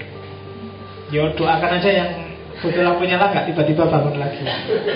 Bangun lagi. nah kesepakatan kayak gitu itu namanya kebenarannya intersubjektif. Itu kita sepakati kita ngajinya Rabu malam Kamis. Itu dasarnya apa pak? Dalilnya apa? Kira-kira rujukannya kitab nomor berapa? Nah itu, itu disepakati kita sepakat bersama selesai. Kenapa? Karena ini levelnya intersubjektif. Kalau kamu tanya Kenapa sih kok kita pakai ideologi Pancasila? Kan lebih banyak ideologi-ideologi yang lebih bagus. Loh itu kan Nah, itu kan diskusinya terus bisa panjang lebar. Loh, itu kepribadian bangsa itu kok bisa panjang. Tapi intinya cuma satu sebenarnya. Dia disepakati oleh orang Indonesia.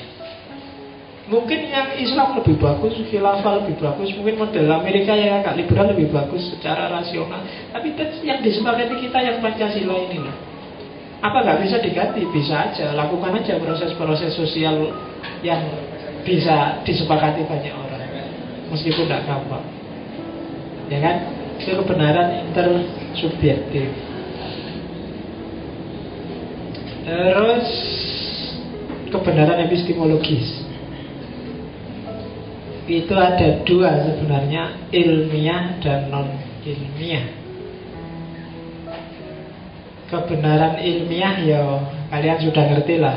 Kebenaran ilmiah itu kebenaran rasional empiris. Itu yang disebut kebenaran positif. Jadi segala hal yang rasional dan empiris itu namanya kebenaran ilmiah. Ada lagi kebenaran non ilmiah tapi dia juga kebenaran hasilnya bisa mencapai kebenaran selain pakai rasio dan empiris. Yang pertama adalah kebenaran a priori. Jadi tidak pakai empiris tapi reka-rekanya akal. Itu kebenaran a priori namanya. Pokoknya menurut saya yang paling baik adalah kuliah di UIN. Nah itu a priori namanya. Tidak perlu pembuktian faktual. Karena UIN itu Islam dan Islam itu adalah agama yang diridhoi Allah Maka kuliah yang diridhoi satu Jadi kalau kamu di UGM tidak diridhoi oleh Allah. Nah misalnya. Itu namanya argumen a priori. Bisa kok nyampe pada kebenaran. Reka-rekanya akal. Karena akal juga kan salah satu Wahyu yang dibekalkan oleh Allah pada kita itu wahyu rasional Tapi kalau berdasarkan akal saja Tidak ada bukti positifnya Itu namanya kebenaran a priori Dari akal ke akal. Kebenaran yang akal-akalan. Tidak tidak pasti hasilnya jelek Kadang-kadang juga pas, benar.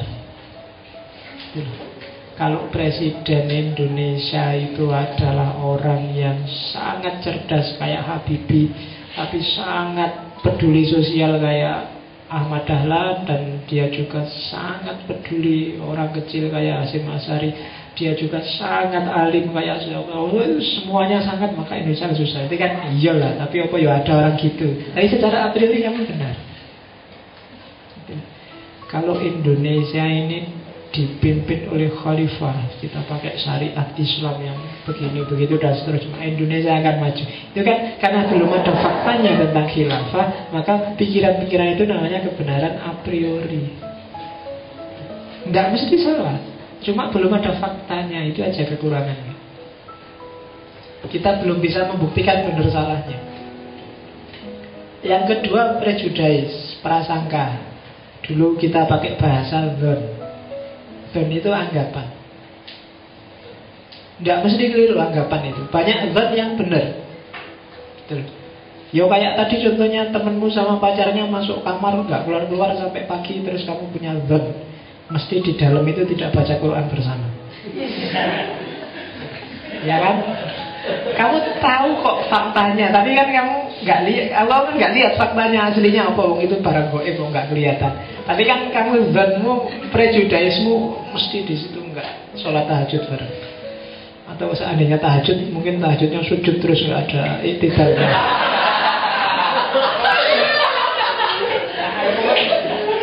Nah kan berarti ya, sujud ini sujud terus sujud sahwi. Jadi dhanmu itu. Dan itu tidak mesti salah. Kalkulasi-kalkulasi rasional itu kan juga namanya. Oke, yang ketiga intuitif. Saya nggak perlu jelaskan lagi bagaimana intuisi jadi salah satu sumber pengetahuan. Kalau dia jadi salah satu sumber pengetahuan, berarti dia juga punya potensi untuk menemukan kebenaran. Kemarin sudah saya jelaskan bagaimana wahyu, ilham, dan kawan-kawan itu bisa jadi alat untuk menemukan kebenaran. Yang keempat adalah trial and error, kebenaran yang coba-coba. Ini sebenarnya agak bau a priori, cuma trial and error ini coba-coba. Kalau bahasa ini namanya eksperimen, tidak cuma pakai akal, dijajal. Jadi percobaan itu ya untuk ngetes oh ini bagus apa enggak itu bagus apa enggak kalau komposisinya gini ya ini teh ini dikasih gula. Coba sekali-sekali dikasih tambahin garam dikit mungkin sedap. Kalau orang tambah kecap lagi dikit kalau kalau sudah banyak terus baru dibuang di luar. Misalnya itu and error coba-coba ya kan? Tapi jangan anu jangan kayak iklan anu apa? Iklan obat minyak kayu putih itu. Bikin anak kok coba-coba. Buat anak kok coba-coba jadi nggak boleh terlalu kayak khutbah Jumat di UIN pas kapan itu jadi katanya khotibnya kalau cari istri jangan cuma lihat luarnya lihat juga dalamnya. Ini gawat ini kalau dipraktekkan oleh anak-anak iso kacau ini. Saya nggak percaya di luar ayo dilihat dalamnya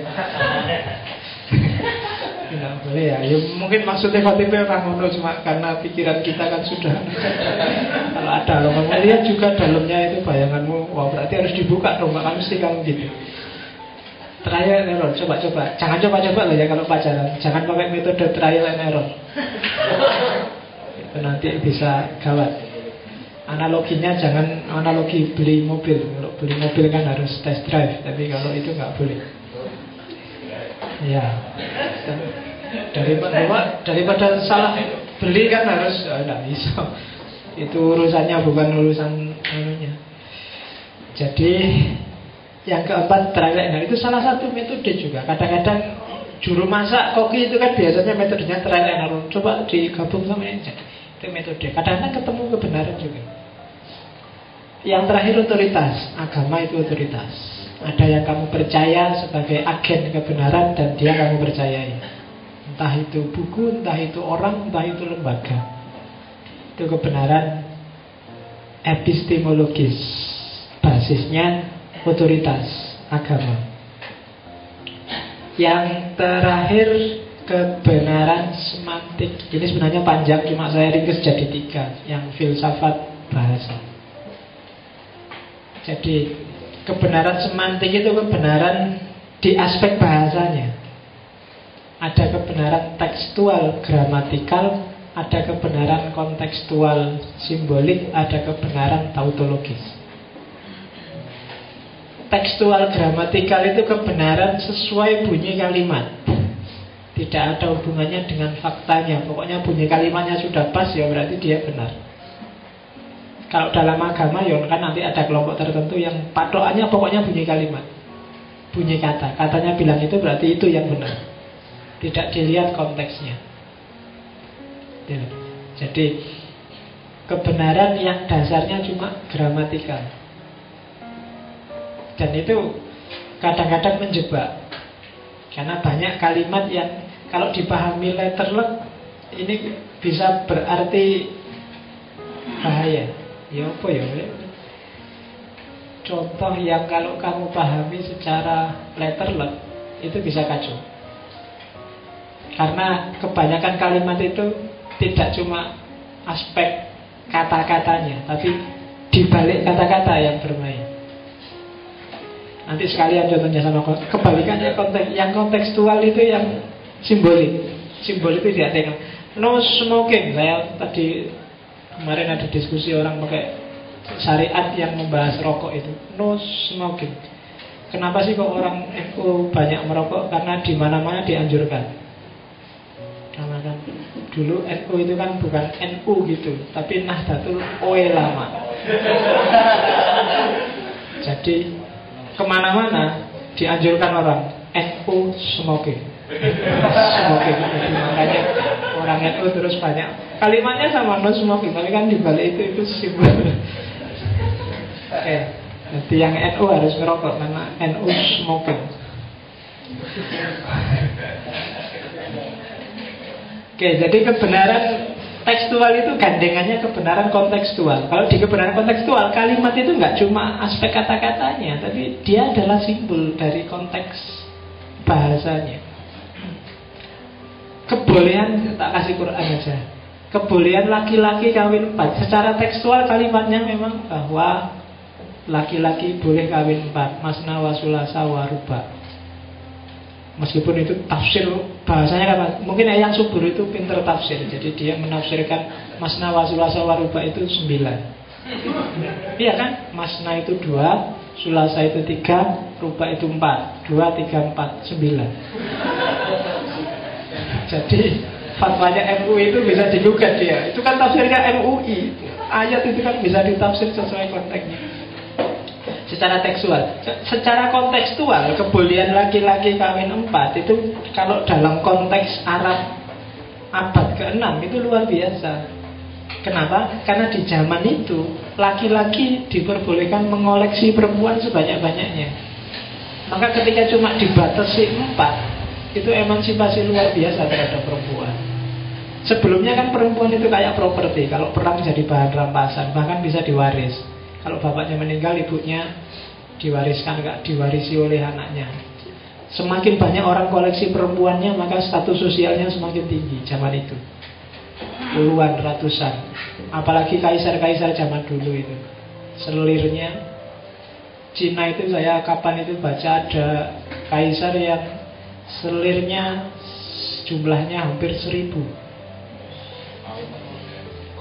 Seribu itu Bayangkan saya digilir satu hari satu Anggap aja setahun 300 lah 300 Kalau seribu Tiga tahun dan belum gilir yang awal tadi. Tiga tahun baru yang istri pertama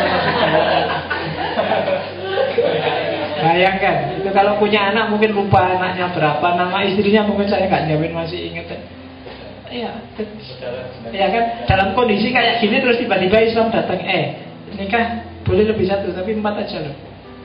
Ah itu konteks itu adalah konteks emansipasi wanita yang luar biasa zaman itu secara kontekstual.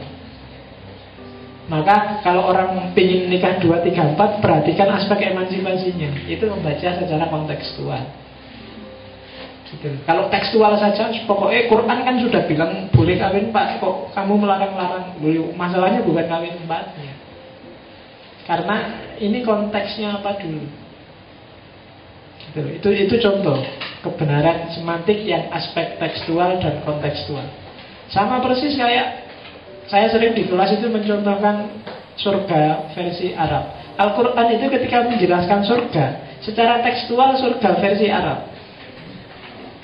Ya kan? Surga versi Arab itu kan surga yang dipameri sungai, dipameri kan gitu. Ya, kolam susu, kolam madu, bidadari apalagi. Dan bayangannya mau bidadari itu kan kayak Kan surga itu kayak harem di Arab itu harem itu ada tenda dekat oase yang di situ isinya selir-selirnya nanti yang jaga itu orangnya sudah dikebiri jadi nggak bisa ganggu. Dan situ perempuan banyak sak karpet dewe di emile yang mana jalan. Itu surga versi Arab. Mungkin kamu nggak tertarik dengan surga yang kayak gitu. Kamu pengennya yo versi versi sini lah pak. Yo mungkin koyo hotel bintang 5 gitu aja sudah. Misalnya bayanganmu gitu. Nggak harus buat apa kolam madu, kolam susu. Saya nggak seneng susu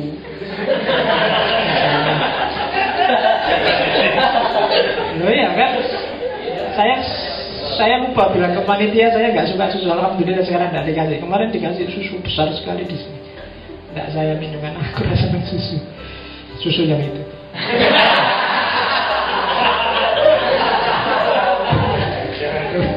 Ya kan ternyata kita frekuensinya sudah sama. Oke, yang terakhir pahamlah yang dua. Yang terakhir kebenaran tautologis. Kebenaran tautologis itu kebenaran yang apa ya? Kalau bahasa logika tautologi itu kalimatnya bulat, nggak ada ujung pangkalnya, muter aja, nggak jelas, nggak ada wawasan baru yang diberikan. Kalau filsafat biasanya contohnya apa ya kalimat bulat itu. Gini misalnya, kalau saya bilang gini, itu nanti hasilnya mesti bulat. Semua yang di ruangan ini adalah pembohong. Berarti kalau saya ngomong semua yang di ruangan ini berarti saya pembohong juga kan. Kalau saya pembohong berarti yang saya omongkan berarti bohong. Kalau yang saya omongkan bohong berarti kebalikannya kan. Berarti semua yang di ruangan ini nggak bohong, jujur. Saya juga berarti jujur kan? Iya, kalau saya jujur berarti yang saya omongkan tadi kan benar bahwa semua yang di ruangan ini, ya, itu namanya tautologi bulat. Jadi apakah nah, itu banyak hal-hal yang tautologis. Beberapa hal teori-teori itu ada yang tautologi, kayak demokrasi. Demokrasi itu kok kamu demokrasi kok marah-marah pada orang yang tidak demokrasi? Harusnya kalau demokrasi sama yang tidak demokrasi pun kamu setuju. Kok tidak setuju berarti kamu tidak demokratis. Itu namanya tautologi bulat, susah ngambilnya. Maka itu tapi jenis kebenaran semantik, gramatikalnya. Jadi hati-hati banyak hal yang tautologi. Kalau diputer-puter bulat di situ aja nggak ada putusnya. Kayak saya ngomong semua yang di ruangan ini pembohong. Kalau semuanya pembohong berarti saya juga bohong. Kalau saya bohong berarti yang saya omongkan itu mesti kebalikannya. Kalau saya ngomong bohong berarti benar. Berarti kalau saya ngomong semua orang bohong, berarti kebalikannya semua orang jujur di ruangan ini. Kalau semua yang di ruangan ini jujur, berarti saya juga jujur. Kalau saya jujur, yang saya omongkan mesti benar. Ya kan bulat loh, itu tidak sembarangan. Banyak dalam logika yang kayak gitu. Teori ini tapi dipakai oleh beberapa filosof barat untuk membuktikan bahwa Tuhan itu ada. Nanti kalau ada waktu kita bahas di metafisika Tuhan Banyak argumen-argumen membuktikan Tuhan itu sebenarnya tautologis Bulat tak itu. Permainan logika. Permainan kalimat. Oke. Nah sudah tak jam setengah saya ngomong kebenaran. Saya tak tahu sudah nemu belum kamu kebenaran. Yang jelas jadi ketika kamu mau ngomong kebenaran Perhatikan levelnya Perhatikan jenisnya, perhatikan karakternya. Karena banyak orang dicampur. Ketika ini dicampur, maka diskusimu selalu buntu. Karena perspektif yang satu kamu ngomong di level apa, yang satu ngomong di level apa. Habis sudah. Kalau sudah kayak gitu, insya Allah diskusinya nggak akan ada titik temu. Itu yang harus kamu ingat kalau ngomong tentang kebenaran. Oke, masih ada waktu untuk dialog. Ya kurang lebih 20-30 menit. Silakan yang mau tanya. Iya, Mas. Tadi ya yang saya satu itu ada level-level kebenaran. Hmm. Nah, di sini agak bingung tentang metafisik. Soalnya tadi kan tidak bisa dinalar oleh juga tidak bisa dirasakan oleh orang lain misalnya gitu ya. Jadi kalau seperti mitos-mitos ya nggak boleh nyapu malam-malam itu kan orang juga gak, gak tahu itu apa maksud juga metafisik itu ya. Kalau itu bagi saya bukan metafisik tapi kebenaran etik. Jadi orang menyarankan, eh jangan berdiri di depan pintu. Itu makanya disarankan kayak gitu. Ada code of conduct tata perilaku yang kamu boleh gini, kamu boleh gitu. Jangan gini, jangan gitu. Itu sebenarnya nanti kebenaran sebenarnya kebenaran itu subjektif levelnya. Kalau metafisik itu nggak bisa dipikir, nggak bisa dinalar karena memang faktanya di luar pikiran dan di luar dunia empiris. Itu metafisik sudah. Kalau yang kayak tadi kan masih kelihatan, masih nggak boleh duduk, nggak boleh. Bahwa mungkin sebab-sebabnya metafisik.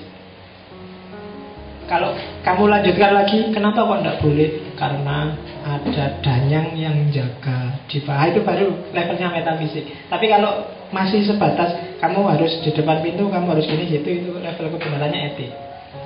Nah, terserah kamu mau dibahas sebabnya atau perilakunya, atau hubungan antara sebab dan perilaku. Nah, itu harus jelas dulu.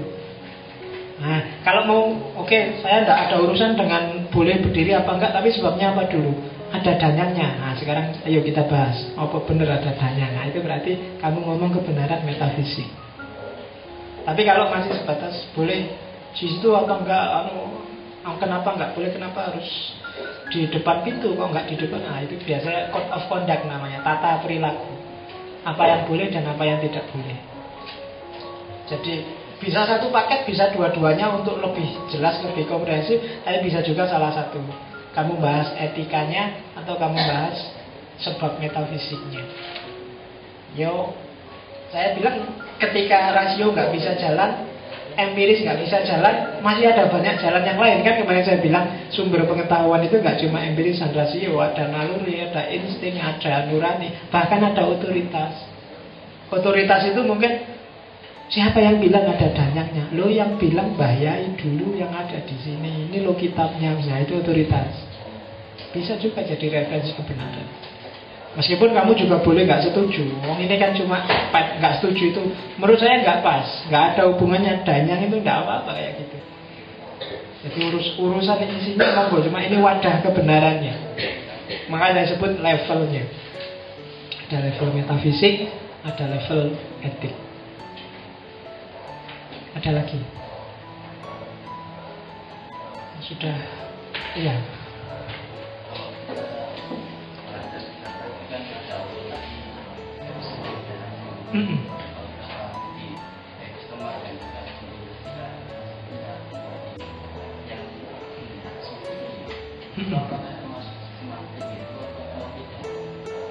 Aksiologi, aksiologi itu etik, aksiologi itu isinya dua, etika, estetika.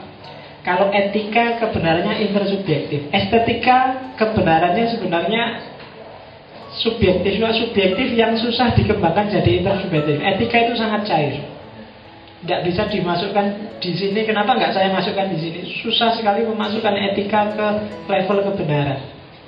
Karena secara value, secara nilai dia bukan kebenaran. Dia ngomong tentang indah dan tidak indah, pantas dan tidak pantas. Dan kategorinya sangat cair estetika itu. Orang tidak bisa disalahkan sama sekali kalau dia suka lagu dangdut. Sementara tetangganya suka lagu rock kamu suka baju kotak-kotak, yang satu suka baju bulat-bulat. Itu estetika. Dan biaya kamu kok pakai baju kotak-kotak toh? Kan harusnya pakai baju bulat-bulat. Nah itu susah. Kamu membahas estetika di level kebenaran itu susah. Estetika itu gaya masing-masing orang itu estetik. Jadi aksiologi biasanya yang lebih dibahas adalah etikanya, bukan estetikanya. Nanti kita bahas dua-duanya. Makanya ini kurikulumnya masih panjang.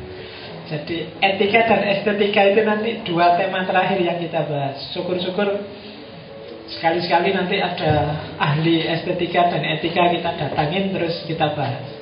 Kita suruh ngomong di sini apa itu estetika. Ya. Kalau contohnya cuma saya estetika mungkin saya tidak terlalu estetik kayak gini ya. Jadi secara estetik itu tidak enak. Harus ada yang lebih enak dilihat secara estetik mungkin kamu lebih semangat. Jadi tenang aja mas, nanti ada ada bagiannya sendiri ya aksiologi.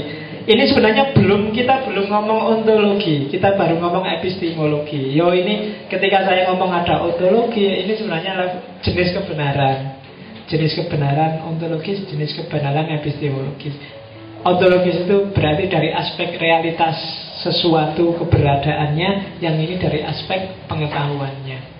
Ada jenis kebenaran ilmiah non ilmiah. Dari sisi keberadaan, dari sisi realitas Ada jenis kebenaran objektif Subjektif, intersubjektif. Dari kenyataan kebenarannya. Jadi ini ini belum masuk ke bagian filsafat yang namanya etika. Bahkan belum masuk ke filsafat yang namanya ontologi Ini ontologi untuk menyebut jenis kebenaran Bukan membahas ontologi sebagai filsafat ada dalam filsafat. Nanti kita masuk setelah epistemologi, kita akan membahas logika. Kalau logika ini teknik berpikirnya, kalau ini kan asumsi-asumsi pemikirannya. Setelah logika, baru kita masuk ke metafisika. Setelah metafisika, kita ngomong etika, setelah itu estetika. Kalau sudah estetika, insya Allah sudah filsafatmu luar biasa kalau ngerti. Oh, iyalah ya kalau nggak ngerti. Karena estetika itu banyak orang menyebutnya sudah puncak. Kerumitannya filsafat itu ada di estetik. Setelah itu baru mungkin kalau kita masih punya stamina Kita tambahin lagi. Misalnya filsafat agama Lebih jelimet lagi filsafat agama. Terus kalau sudah masuk agama Tambahin lagi yang lebih rumit lagi filsafat bahasa sudah masuk bahasa nanti masuk apa lagi tinggal kita tentukan tema-tema. Cuma bagi saya kuncinya dua epistemologi sama logika. Kalau dua ini kamu paham dan bisa jalan kamu sudah bisa jadi filosof. Meskipun belum jadi ahli filsafat. Nah, ahli filsafat itu kalau sudah paham metafisika paham etika estetika biasanya sudah ahli filosof dan filsafat kalau kamu sudah ngerti itu semua. Sudah bisa dalil filsafat ya sengaja saya hindari di ngaji-ngaji kita untuk menyebut tokoh-tokoh dan teori-teori. Biar kamu tidak dikacaukan oleh apalan tokoh dan apalan teori. Ini yang saya paparkan di sini itu yo ya pikirannya para tokoh filosof beberapa. Tak comot kadang ngambil Ghazali, kadang ngambil Bertrand Russell, kadang ngambil Wittgenstein, kadang ngambil dari hermeneutik tak mix jadi satu yang kira-kira relevan untuk konteks kita tanpa harus saya cerita yang ini pikirannya Ghazali. Terus kamu nanti terjebak di kategori-kategori tokoh dan teorinya tapi kita jalan aja. Yang penting kita ambil hikmahnya dari banyak tokoh sesuai konteks kita. Itu aja bang saya. Karena biasanya begitu kamu dengar namanya kamu sudah anu duluan kebar duluan. Waduh mesti rumit ini ada Wittgenstein, aduh itu nama apa lagi? Terus mesti gitu sudah menggerak, jadi sudah tak ambil. Karena mereka juga berefleksi tentang realitasnya, yang pasti nggak jauh beda dengan realitas kita. Jadi kita tanda kurung dulu nama sama tokoh-tokoh sama aliran-aliran kita masuk aja secara smooth, secara pelan-pelan ke idenya yang menurut saya relevan. Ada lagi? Ya, apakah itu level jenis-jenisnya itu berupa kategori yang yang terpisah-pisah atau sebenarnya itu satu kebenaran itu bisa masuk ke beberapa level atau beberapa jenis yang atau bisa mixing atau sebenarnya kebenaran-kebenaran kebenaran itu yang itu proses gitu lah bisa pindah dari level ke satu ke level yang lain atau jenis yang ke jenis yang lain iya cair mas. Jadi kalau kamu bahas HP misalnya kamu mau lihat aspek apanya? Aspek fisik empirisnya atau aspek pragmatisnya? Atau kamu mau membahas dia dari aspek gramatikalnya kontekstualitasnya? Atau tergantung kamu mau pakai yang mana. Jadi satu objek yang mau lihat, saya ingin melihat kebenarannya apa wis? Korupsi. Nah, kamu mau lihat apanya? Aspek dari sisi pragmatisnya? Atau kamu mau melihat aspek etiknya? Atau aspek logiknya? Bagaimana korupsi itu secara logika, alur berpikir rasional? Atau faktanya aja mau kamu deskripsikan? Tergantung. Jadi tujuanmu membahas. Ini kan arahnya adalah ketika kamu membahas sesuatu mencari kebenaran dari sesuatu tegaskan dulu aspek kebenaran apa yang mau kamu ungkap mungkin bisa lebih dari satu saya ingin bahas aspek pragmatisnya dan sekaligus aspek tautologisnya dari debat tentang koruptor misalnya. Bisa. Jadi bisa bisa digabung-gabung sesuai dengan kepentingan kajianmu. Kepentingan bahasanmu. Saya mau membahas fenomena partai yang namanya PKS. Kamu mau bahas apanya? Secara kontekstual, ya saya mau lihat kontekstual simboliknya. PKS itu apa, secara tekstual apa Tapi selanjutnya mau saya analisis secara intersubjektif Dalam konteks undang-undang di Indonesia. Cuma kemudian standpointnya adalah persepsi saya sebagai muslim yang Muhammadiyah atau NU kemudian level yang mau saya lihat adalah etikanya. Oh itu bisa. Jadi tergantung kepentingan kajian jadi kalau ada orang tanya tentang kebenaran tegaskan dulu level mana jenis kebenaran yang mana yang mau dilihat sudut pandang apa yang ingin dipahami karena begitu itunya tidak jelas itu biasanya terus diskusinya ngambang bisa ini campur aduk. Yang satu ngomong dari aspek etik, yang satu ngomong dari aspek metafisik, yang satu pragmatis. Itu mesti coba perhatikan argumen-argumen kalau ada debat di TV kayak Indonesia Lawyers Club atau acara debat itu kan. Kamu dengerin seolah-olah setiap yang ngomong itu masuk akal. Padahal bertentangan. Ya kan, kamu tahu ini beda pandangannya kontras, tapi kok sama-sama masuk akal ya? Itu jangan-jangan beda level. Yang satu ngomongnya di level pragmatis, yang satu ngomong aspek koherensinya, yang satu ngomong aspek korespondensinya. Itu yang bikin kemudian, oh ini memang beda level, jadi cari kesimpulannya juga susah. Karena relnya juga beda-beda. Jadi seolah-olah semua benar Sehingga akhirnya terus tawuran. Nah, kalau ada moderator hebat, dia bisa Oh sampean ngomongnya di level etik ini. Padahal sejak tadi kita ngomong koherensinya dengan undang-undang. Ya mesti sampean sudah keluar frame. Terus ah itu kalau ada moderator bisa gitu jago Meskipun tidak gampang kemampuan kayak gitu. Saya juga tidak berani disuruh jadi moderatornya ILC Lagian ya sopo ada penyuruh Oke okay? Ada lagi? Ya Mas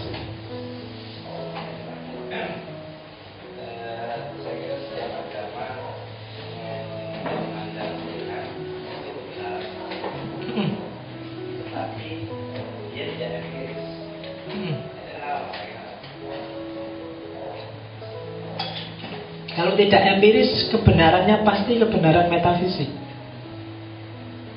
Kalau itu kebenaran metafisik, biasanya pembuktian empiris dan pembuktian rasional tidak berdaya.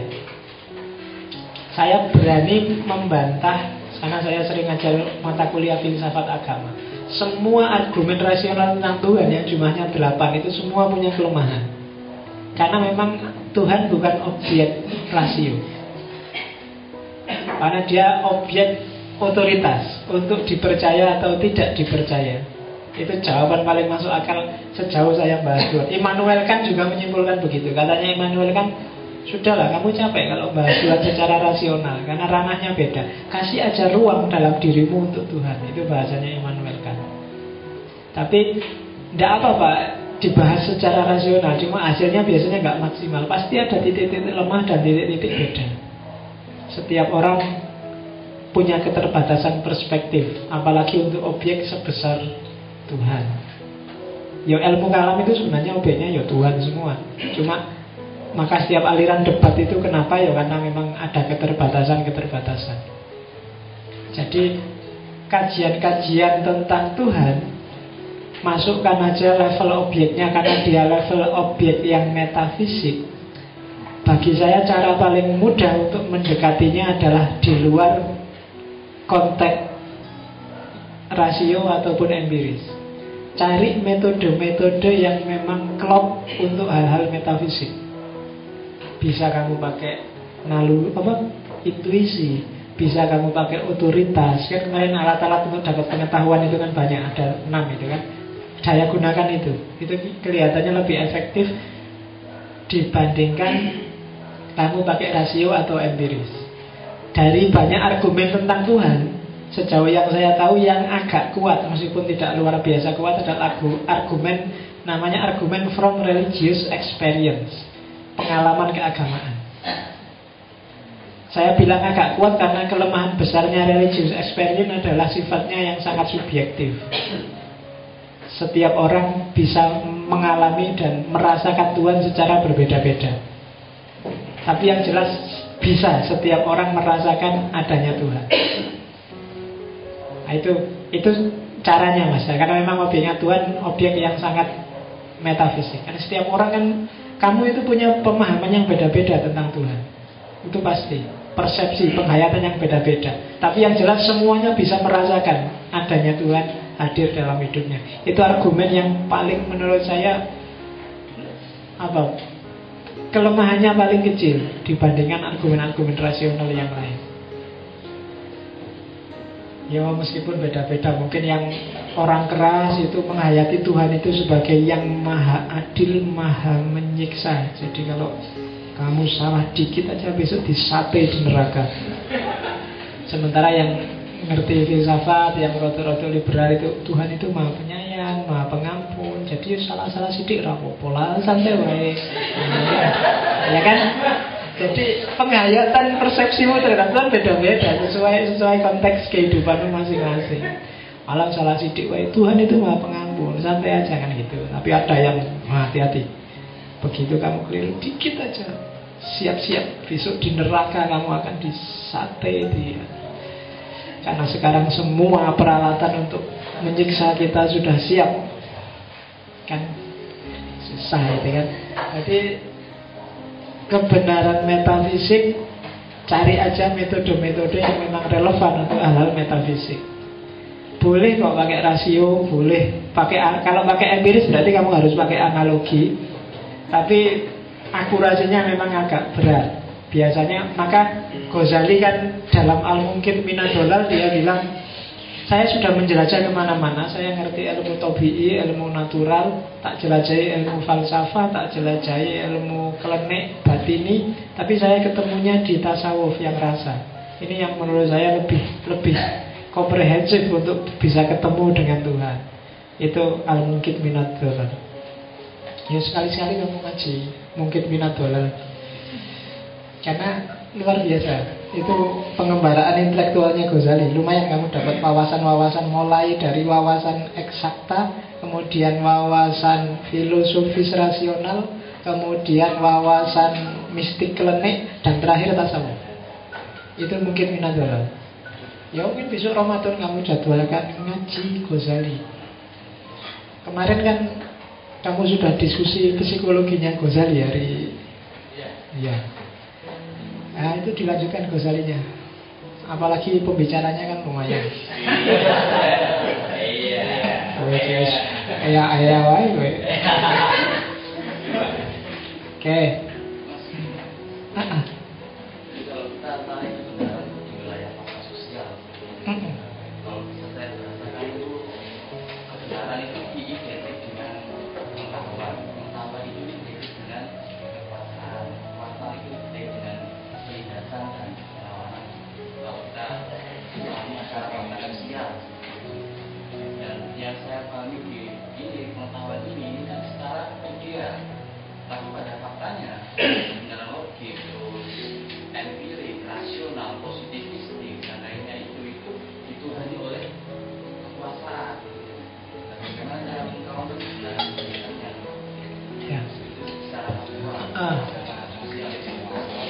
kamu omongkan itu teorinya tokoh bukan namanya Foucault. Cuma jauh sebelum Foucault ada filosof era pencerahan namanya Francis Bacon yang bilang knowledge is power. Jadi ya itu persepsi yang pesimis terhadap pengetahuan. Karena memang dalam faktanya Meskipun tidak selalu konotasinya negatif Tidak selalu harus jadi menindasan. Orang yang pinter Itu dia akan mendominasi orang yang bodoh. Itu fakta. Kamu tidak ngerti filsafat sejak tadi hampir dua jam itu namanya tak dominasi. Loh ya kan? Tak dominasi Tapi konotasinya kan tidak negatif. Gitu loh. Jadi persepsinya Foucault mungkin separuh benar, separuh salah. Separuh salah dalam arti tidak selalu didominasi, dihegemoni kalau itu aspek pengetahuan itu berdampak negatif secara sosial. Bayanganmu kan kalau ada kata penindasan itu, wah itu mesti gawat itu mesti ada. Tidak selalu begitu. Kamu sejak tadi tak dikte ini namanya kata dikte, tak dikte itu kan namanya ditindas. Saya sewenang-wenang padamu Seolah-olah saya ngerti segalanya Terus kamu manut aja. Kalau nggak manut tak salah. Ya seolah-olah gitu. Tapi itu kan ini dalam konotasi beda sama itu. Kalau zaman dulu Kenapa lahir konotasi negatif dari knowledge of power? Karena zaman dulu memang Barat yang lebih canggih sainsnya Kemudian menjelajah dan akhirnya menjajah ke dunia timur Bekalnya memang sains Ketika dia sainsnya tinggi ya maka otomatis daerah jajahnya dia tidak bisa apa-apa dibodohi terus. Yo nanti kapan-kapan kita ngomong renaissance bagaimana cara Barat memanipulasi Timur dengan sains. Yang paling contoh paling ketara teknologi senjata api, penemuan mesin.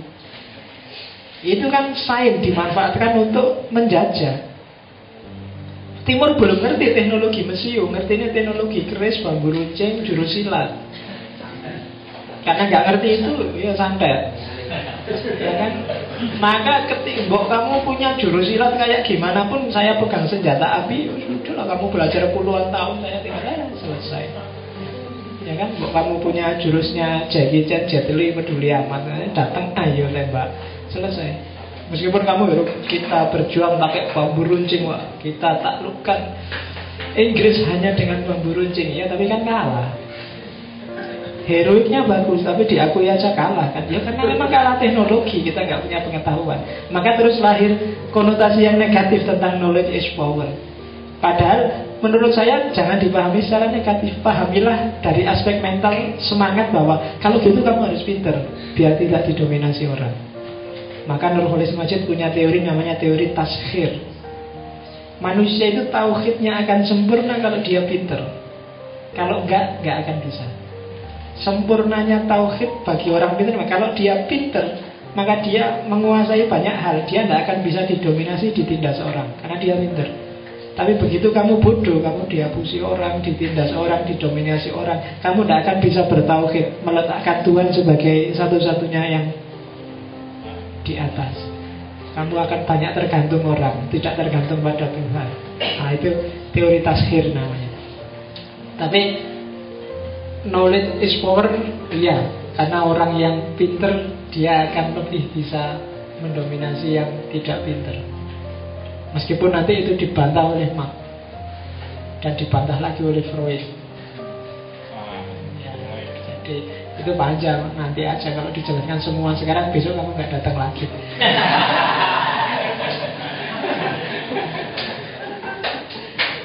Oke, okay. saya kira sudah ya, kamu sudah mabuk dengan kebenaran malam ini. Minggu depan kita akan bahas Ini kan sangat pasti Minggu depan kita bahas tema yang sangat cair. Salah satu aliran dalam epistemologi Yaitu skeptisisme dan relativisme. Ya, jadi orang skeptis ini kan sebenarnya basisnya filsafat. Sejak zaman Yunani kelompok skeptis ini ada termasuk relativisme. Nanti kita lihat ikhwalnya, cara berpikirnya, model-modelnya. Kalau ada waktu kita kritik atau bagaimana dia mengkritik cara berpikir kita. Skeptisisme. Setelah itu kita ngomong epistemologi sosial. dan epistemologi common sense peristiwa sehari dan nggak tahu kalau sudah selesai baru kita masuk ke logika caranya berpikir oke ya saya kira itu.